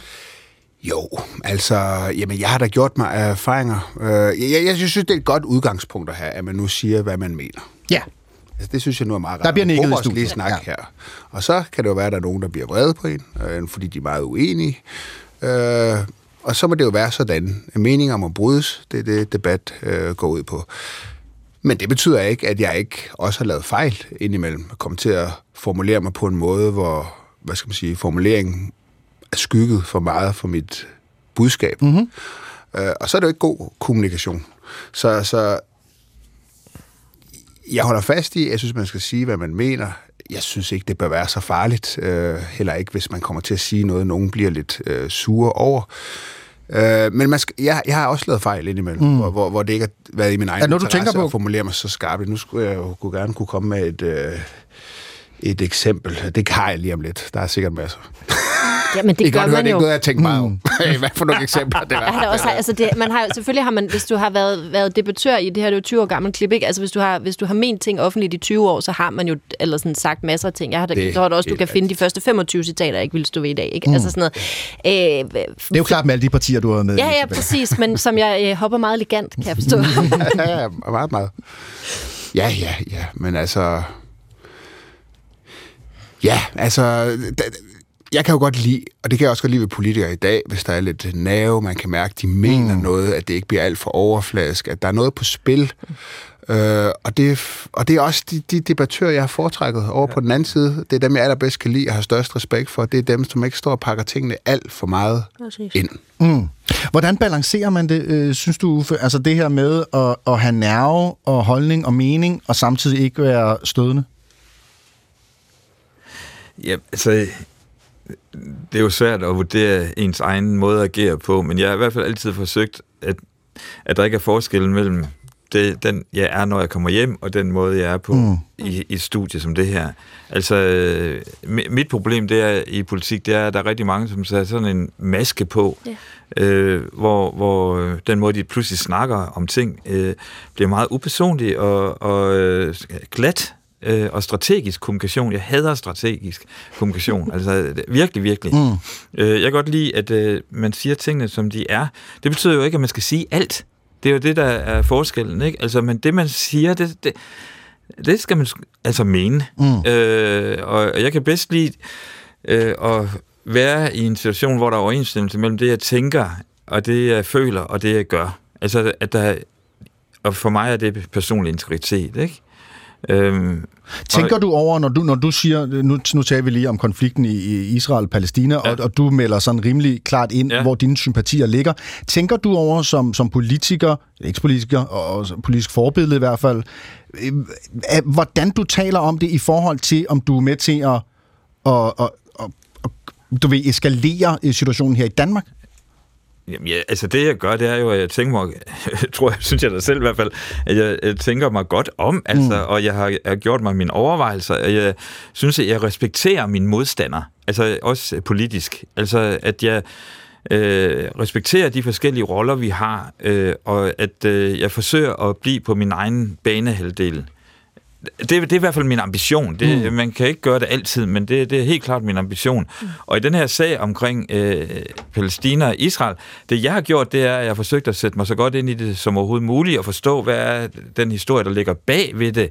Øh, ikke bare øh, for 10 år siden, men for 50 år siden, og for 100 år siden. Og hvor, hvorfor er det, vi ser alle de her konflikter? Øh, og hvad, hvad, hvad har hele den måde, som en del vesteuropæiske lande har, øh, har fået deres, øh, deres kolonimagter ud og, og trukket nogle øh, grænsestreger øh, i verdensdele, der pludselig øh, overhovedet ikke øh, respekterer den lokale befolkning, og alle de der ting. Mm. Jeg forsøger at, at, at, at sætte mig så godt ind i det, som jeg overhovedet kan. Øh, og jeg synes jo, det der... Altså Isabella, du, det du sagde, som betyder også rigtig meget for mig, at, at kunne adskille øh, en kritik af en given regering, og så at kunne snakke om en befolkning. Mm. Altså det er to vidt forskellige ting, øh, og jeg har det jo helt tæt ind på livet, hvor jeg, altså, det, jeg håber, at lytterne ved, kan høre, hvor, hvor jeg står i hele den der konflikt, men, men jeg har jo en familie, øh, hvor min min øh, ene bror er, gi- gift med en jødisk kvinde. Altså, så øh, vi skal jo prøve at, at, at mm. være i det rum mm. med alle de følelser, der er. Og, og der synes jeg, det du sagde, Isabella, det der med, man skal huske at holde hovedet koldt og hjertet varmt. Mm. Øh, og det er også en, en, sådan et greb, jeg har, eller en forståelse af, hvordan vi skal prøve at håndtere de her konflikter. Øh, I øh, den her uge, mm. der var det som om, at ikke, ikke specifikt den her konflikt, men, men at sådan hele den usikkerhed, det føles som der er øh, globalt i, i øjeblikket, den kom, kom lidt tættere på. Øh, det skabte også overskrifter her, da Michael Bydén, som er Sveriges øverst kommanderende, han sagde sådan her til svensk TV4. titta på nyhetsrapporteringen ifrån Ukraina. Ställ er de enkla frågorna. Om det här händer här, har jag då saker på plats? Vad ska jag göra? Ju fler som har tänkt, funderat och förberett sig, desto starkare är vårt samhälle. Kig på nyhedsrapporteringen fra Ukraine. Følg med i, hvad der foregår. Stil dig selv spørgsmålet, hvad har jeg gjort? Hvordan har jeg forberedt mig, hvis det sker her? Hvordan står jeg så? Des flere, der har tænkt den her tanke nu, desto bedre står vi. Han siger så ikke, den dag russeren banker på, men, men det er jo det, øh, der ligger i det. Har I selv stillet jer den her type spørgsmål? Nej, det har jeg Nej, ikke. der er ikke nogen, men, der men, har Nej, men jeg har fulgt debat. Nej, nej, ja, men jeg har fulgt debatten i Sverige, og, og det er jo, øh, altså allerede for et år siden blev der jo omdelt en folder til samtlige svensker, der siger, når, når hvis krigen kommer. Mm. Altså, der er en helt anden retorik i Sverige, skyldes og, for, og for øvrigt også i Finland. Mm. Og det, det, det tror jeg øh, skyldes historik, øh, hvor øh, vi i Danmark sådan lidt øh, ligger i ly af, af både Sverige og Finland, når det handler, i hvert fald øh, når, vi, når vi snakker konflikten med, med Rusland. Ikke? Øh, jeg synes, at øh, Sverige de skruer lige lovligt op for den der alarmistiske øh, tone, øhm, og jeg har tro på, at de danske myndigheder de, de har styr på det her, og, og hvis øh, de vurderer, at vi skal vide noget, så, så får vi det at vide. Vi kommer det med, til det med myndighederne lige om lidt, Uffe, så kan vi jo vurdere, om du synes, de har styr på det. Men Joachim, da jeg sagde, at der er nogen, der er preppet, så gjorde du sådan lidt, ah, kunne jeg se på dit kropssprog.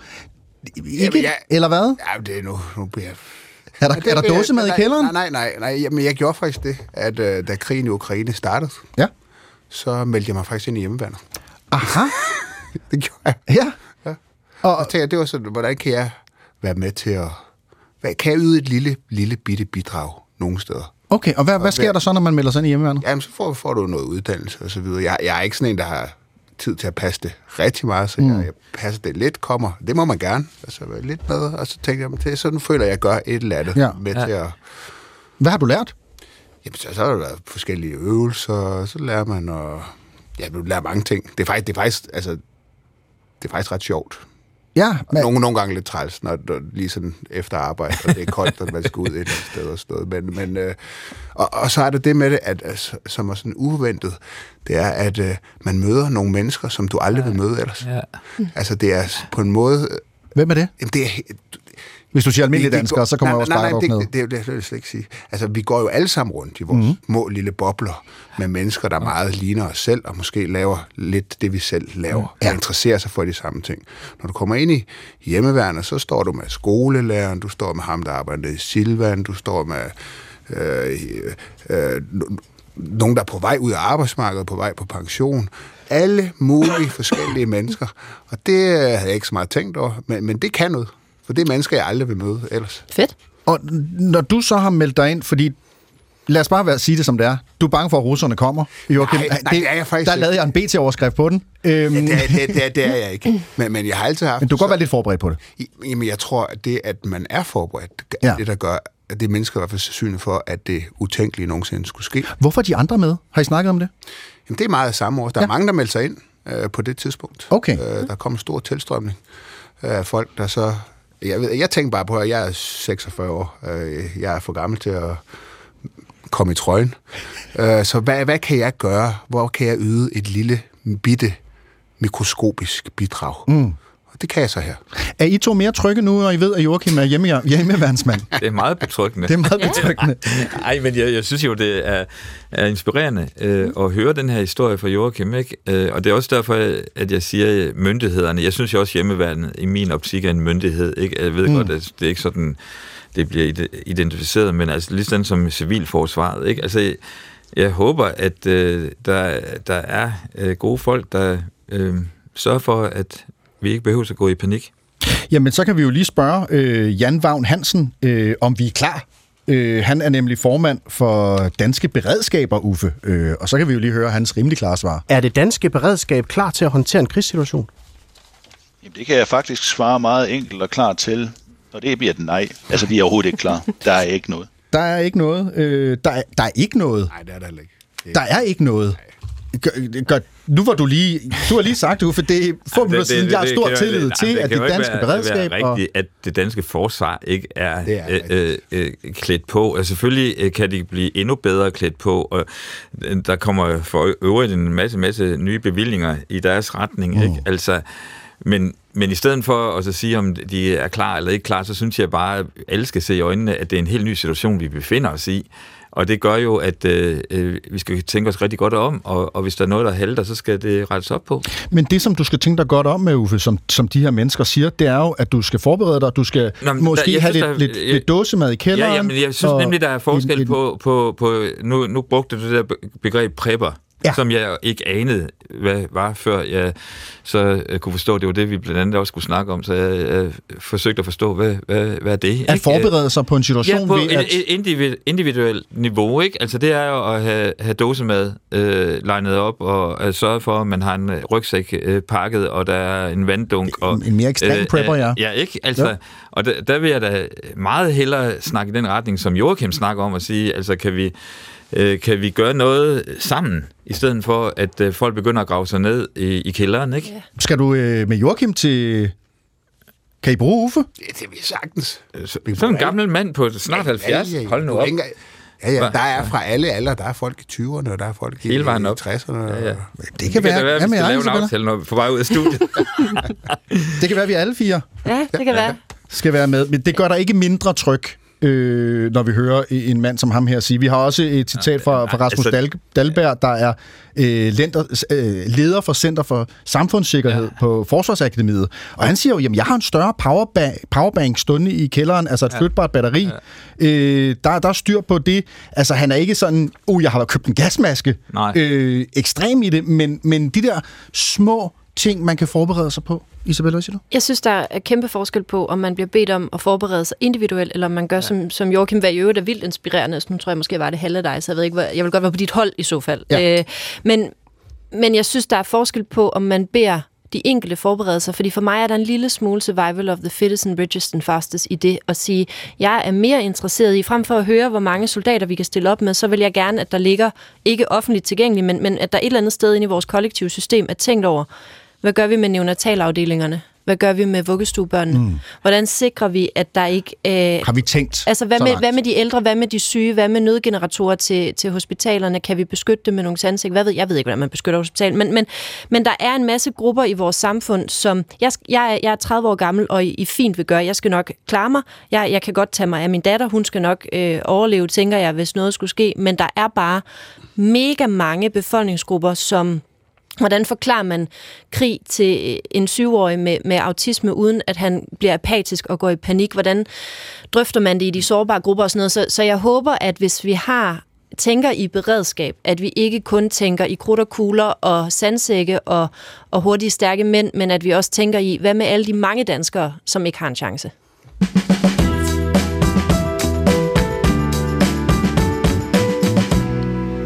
Et hurtigt øh, blik på øh, reaktioner fra sms'en. Producerne, er der... Øh Ja, jamen altså, Sikkert der, masser.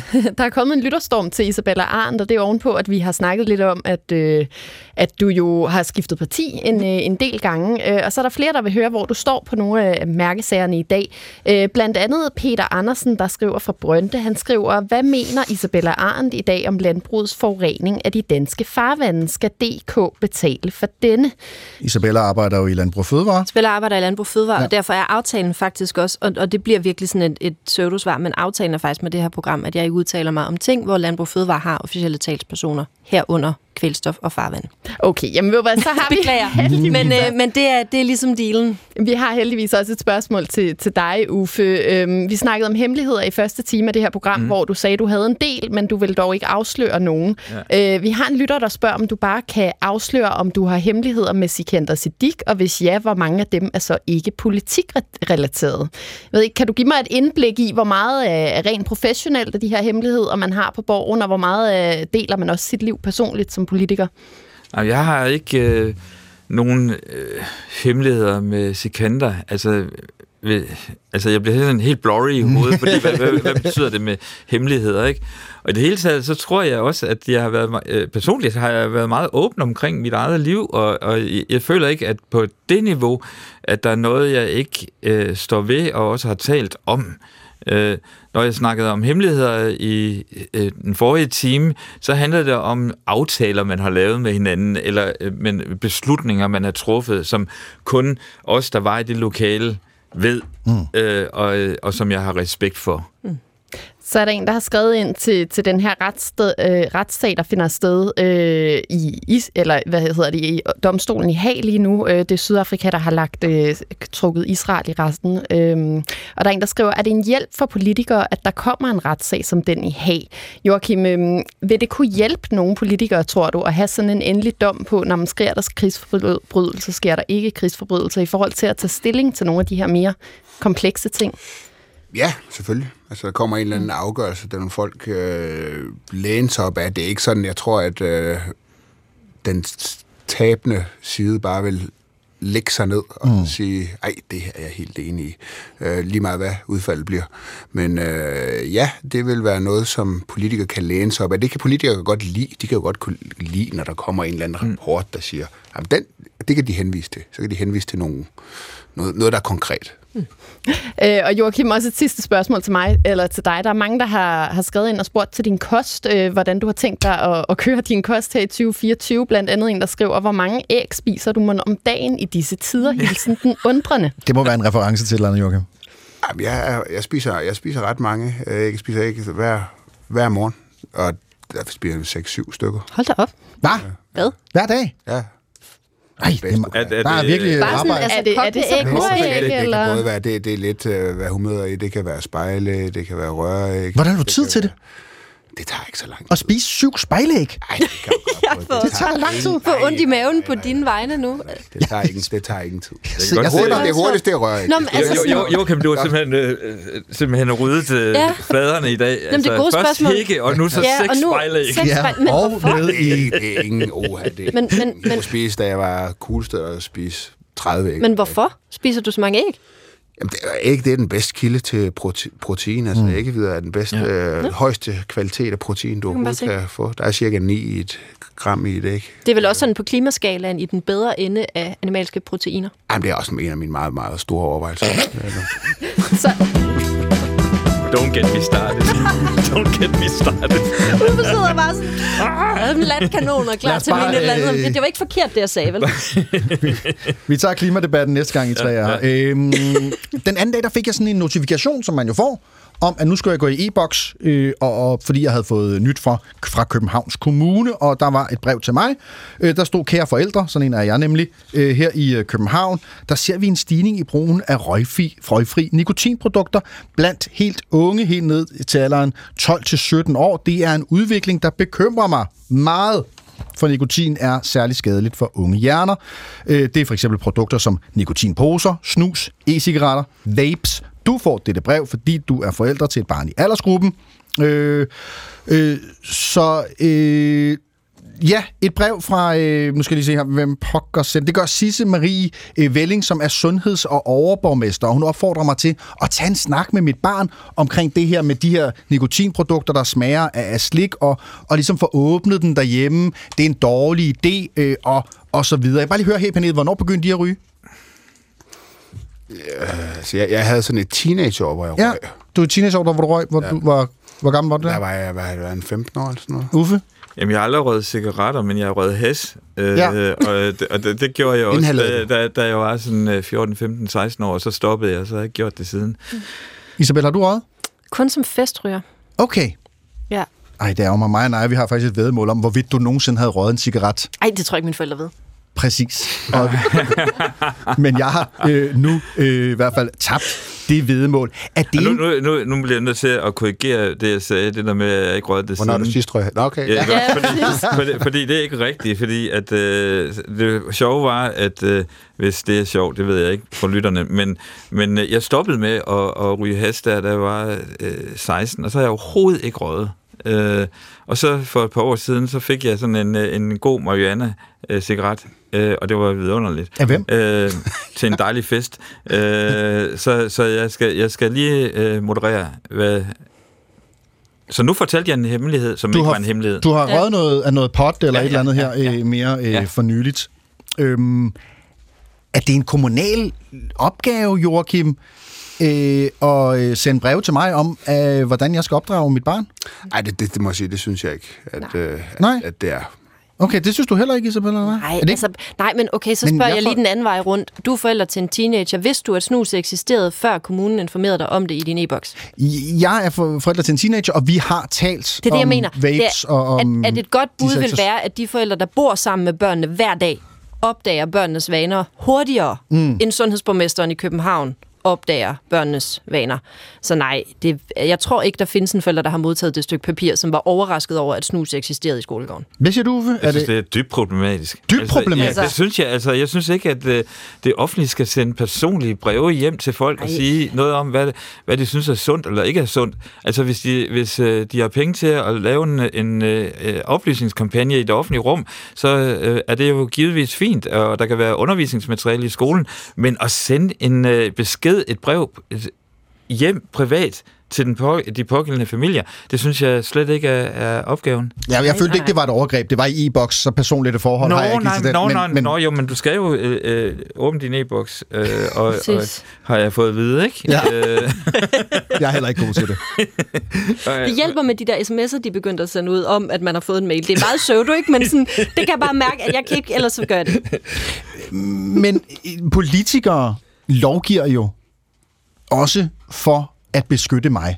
Altså, det er jo ikke sådan det, det første gang, jeg, jeg hører. Man kan jo godt finde fortilfælde. Der er jo sukkerafgifter og, og cigaretafgifter og alle mulige ting, som skal påvirke min gøren og laden, fordi jeg åbenbart ikke selv kan finde ud af, hvad, hvad der er rigtigt og forkert, øh, og fordi man nogle gange måske falder i, i gryden og bliver festryger.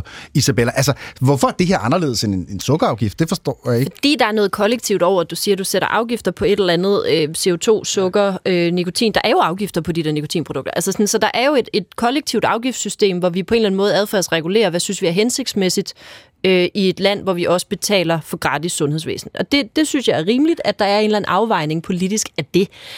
Men når man så har gjort det, så skal man lade forældrene være forældre. Øh, du er den øverste myndighed i din familie, mm. og kommunen skal blande sig udenom. Jeg stod meget, altså det her var jo det mindste gratis, kan man sige. Altså det var ikke en... Det, ja, der er selvfølgelig nogen en eller anden Altså, hvor tekstforfatter, mange, der sidder jo, men og hvor mange lønningstimer er gået på at holde 12 forskellige brainstorm-møder på, hvad gør vi med det her snus, og så har man haft op på et eller andet sundhedsudvalgsmøde, man kunne have diskuteret noget fornuftigt på i stedet for, og så har man, øh, tro mig, det der øh, gratis brev i din e-boks, det har taget, jeg ved ikke, hvor meget kommunalt byråkrati og lønningskroner, der kunne være brugt på noget hensigtsmæssigt. Altså, jeg er da sikker på, at intentionen er, er god nok. Altså, det er ikke, altså, jeg tror da, at den pågældende øh, borgmester har, har villet det godt, men jeg, men jeg synes, der er noget meget principielt i det. Mm. Altså, det der med, altså, hvor, hvor langt ind skal det offentlige gå i, i privatlivets fred, ja. han har sagt. Øh, og og der, der har jeg da et problem med, at øh, folk får øh, breve fra det offentlige, der fortæller noget om, hvordan du skal leve dit liv. Ja. Du har jo i lang tid kæmpet, øh, og den her kamp, Joachim, kan man sige, øh, et klip fra, fra 14, hvor du er øh, på besøg øh, her i huset for at debattere snus, øh, hvor du selvfølgelig er imod et, et lovforslag om et forbud mod salg af, af, af, af snusen. Og så spørger jeg, hvem er offret? Hvem er det, der kommer til skade, fordi jeg som voksen menneske bestemmer at bruge snus? Ingen. Og derfor skal EU naturligvis heller ikke bestemme, om jeg eller andre mennesker må have lov til at bruge det her forholdsvis uskadelige tobaksprodukt i Du munden. lyder faktisk en lille smule sur. Ja. Ja, ja. Altså, det, det, det ramte mig jo, det der. Fordi jeg jo selv... Det er fra Folketingssalen, det her klip, skal jeg sige. Ja, ja. Er det snuser du stadigvæk? Ja, ja, jeg snus. Du har en pakke liggende på bordet nu. Uh, ja, jeg kan godt lide det. Men det er jo sindssygt sundhedsskadeligt. Nej, det er ikke sindssygt for sundhedsskadeligt. Uh, jeg vil godt citere en socialdemokrat. Rygning, rygning er sindssygt. Du kan, det er jo bare what about it. skal Nu man nævner du noget, der være. er værre. Nej, ja, ja, ja, men det synes jeg også, man skal gøre. Mm. Altså, jeg synes, jeg har jo altid synes, altså, vi lever i en verden, hvor der er mennesker, der... Nogen kan lide at ryge en joint en gang imellem, nogen ryger cigaretter, nogen kan lide snus. Men Men okay, der synes jeg bare, det er rationelt, det er ligesom at sige, okay, så må vi ligesom se på, hvor, hvor vi må behandle de her produkter efter, hvor farligt de nogle gange er. Altså min pointe med at sige det før, det var, at det holder jo aldrig op. Det har altid været en del af menneskeheden, at vi bruger forskellige. Mm. Det, skal kan være det alkohol, det kan være... Ja, Altså- Men det er du har del- børn på 14 og 18, Ja, Øh, og, og de, de er også i gang og skal prøve ting og, og have det sjovt, særligt den store selvfølgelig. Mm. Øhm, Men der siger jeg, lad være. Der siger du lad være. Men der, jeg, har, jeg har det sådan med, med, med, med, med, med de der emner, når man taler, når jeg taler med mine børn om det. Den situation, jeg ikke vil ind i, det er, at jeg at de ikke tør komme og fortælle mig, hvis det er, at de har prøvet det. Mm. Fordi så er de bange for, at de får skæld ud. Så jeg prøver at have en samtale med dem og sige, prøv at, det, jeg synes virkelig, I skal holde jer fra det der. Øh, hvis I nogensinde ønsker, at, så, så vent til I er fyldt 30, eller mm. et eller andet, hvor I er fyldt udviklet, eller midt i 20'erne. Mm. Og så kan det jo godt være, at de ikke venter til de er 30, men måske til de er par 20, så er det Jamen, så fint langt, nok. så godt, ikke? Ja. ja altså, men, men jeg vil bare ikke ind i den her situation, hvor at, øh, hvis de skulle falde i, det håber jeg ikke, de gør, med at ryge en cigaret, eller noget, der er værre, mm-hmm. at de så ikke tør komme og sige det til mig, så vi får en snak om det. Vi havde selvfølgelig fundet et klip, uh, Uffe, hvor du fortæller om, hvor meget has du har røget, men nu sagde du det allerede inden, så jeg gider ikke spille klippet. uh, der siger du, ja, du røg sindssygt meget has, da du ja, var en, ja, en ja, ja. 15-16 år, tror jeg, i klippet. Um, du har jo to drenge. Ja. Hvad, hvordan talte du så med dem om, om det her, altså, når det kom til for eksempel has? Altså ikke, øh, vi snakker ikke så meget has, øh, men mere øh, hårde stoffer. Mm. Altså jeg er rigtig glad for, at det har de gået udenom. Altså det gør mig helt glad. Altså, kan jeg godt forstå. Øh, og og jeg, når jeg hører Joachims snak på den måde, som du snakker, Joachim, så tænker jeg, at du er en god far, ikke? For, øh, øh, fordi at, øh, det er jo vigtigt, at de der unge kan komme til en og sige, ved du hvad, jeg, jeg har gjort noget, som jeg ikke helt har kunne overskue. Øh, hvad, hvad gør jeg ved det? Mm. Øh, det må jo være målet som en god forælder. Det er som en god forældre. Øh, jamen, øh, I har været tre øh, dygtige børn, øh, hvis jeg skal øh, være forældren i, i det her øh, scenarie. Øh, tusind tak, fordi I havde tid og lyst til at være med i øh, den her udgave af Svingdøren. Uffe Elbæk, Isabella Arndt, Joachim B. Olsen. Det har været en øh, fornøjelse. Det håber jeg også, at dig, der lytter med, har synes. Øh, ellers så gør vi det en gang til. Så giver os en chance øh, lørdag i næste weekend. Der får jeg besøg af tre ekspolitikere. Carsten Lauritsen kommer. Det er lang tid siden, jeg har set ham. Øh, ville Søvndal. Mm. Og også Sofie Karsten Nielsen. Så er alt muligt god grund til at lytte med der. Nu er det tid til Radiovis. Det var hyggeligt. Gå på opdagelse i alle DR's podcast og radioprogrammer. I appen DR Lyd.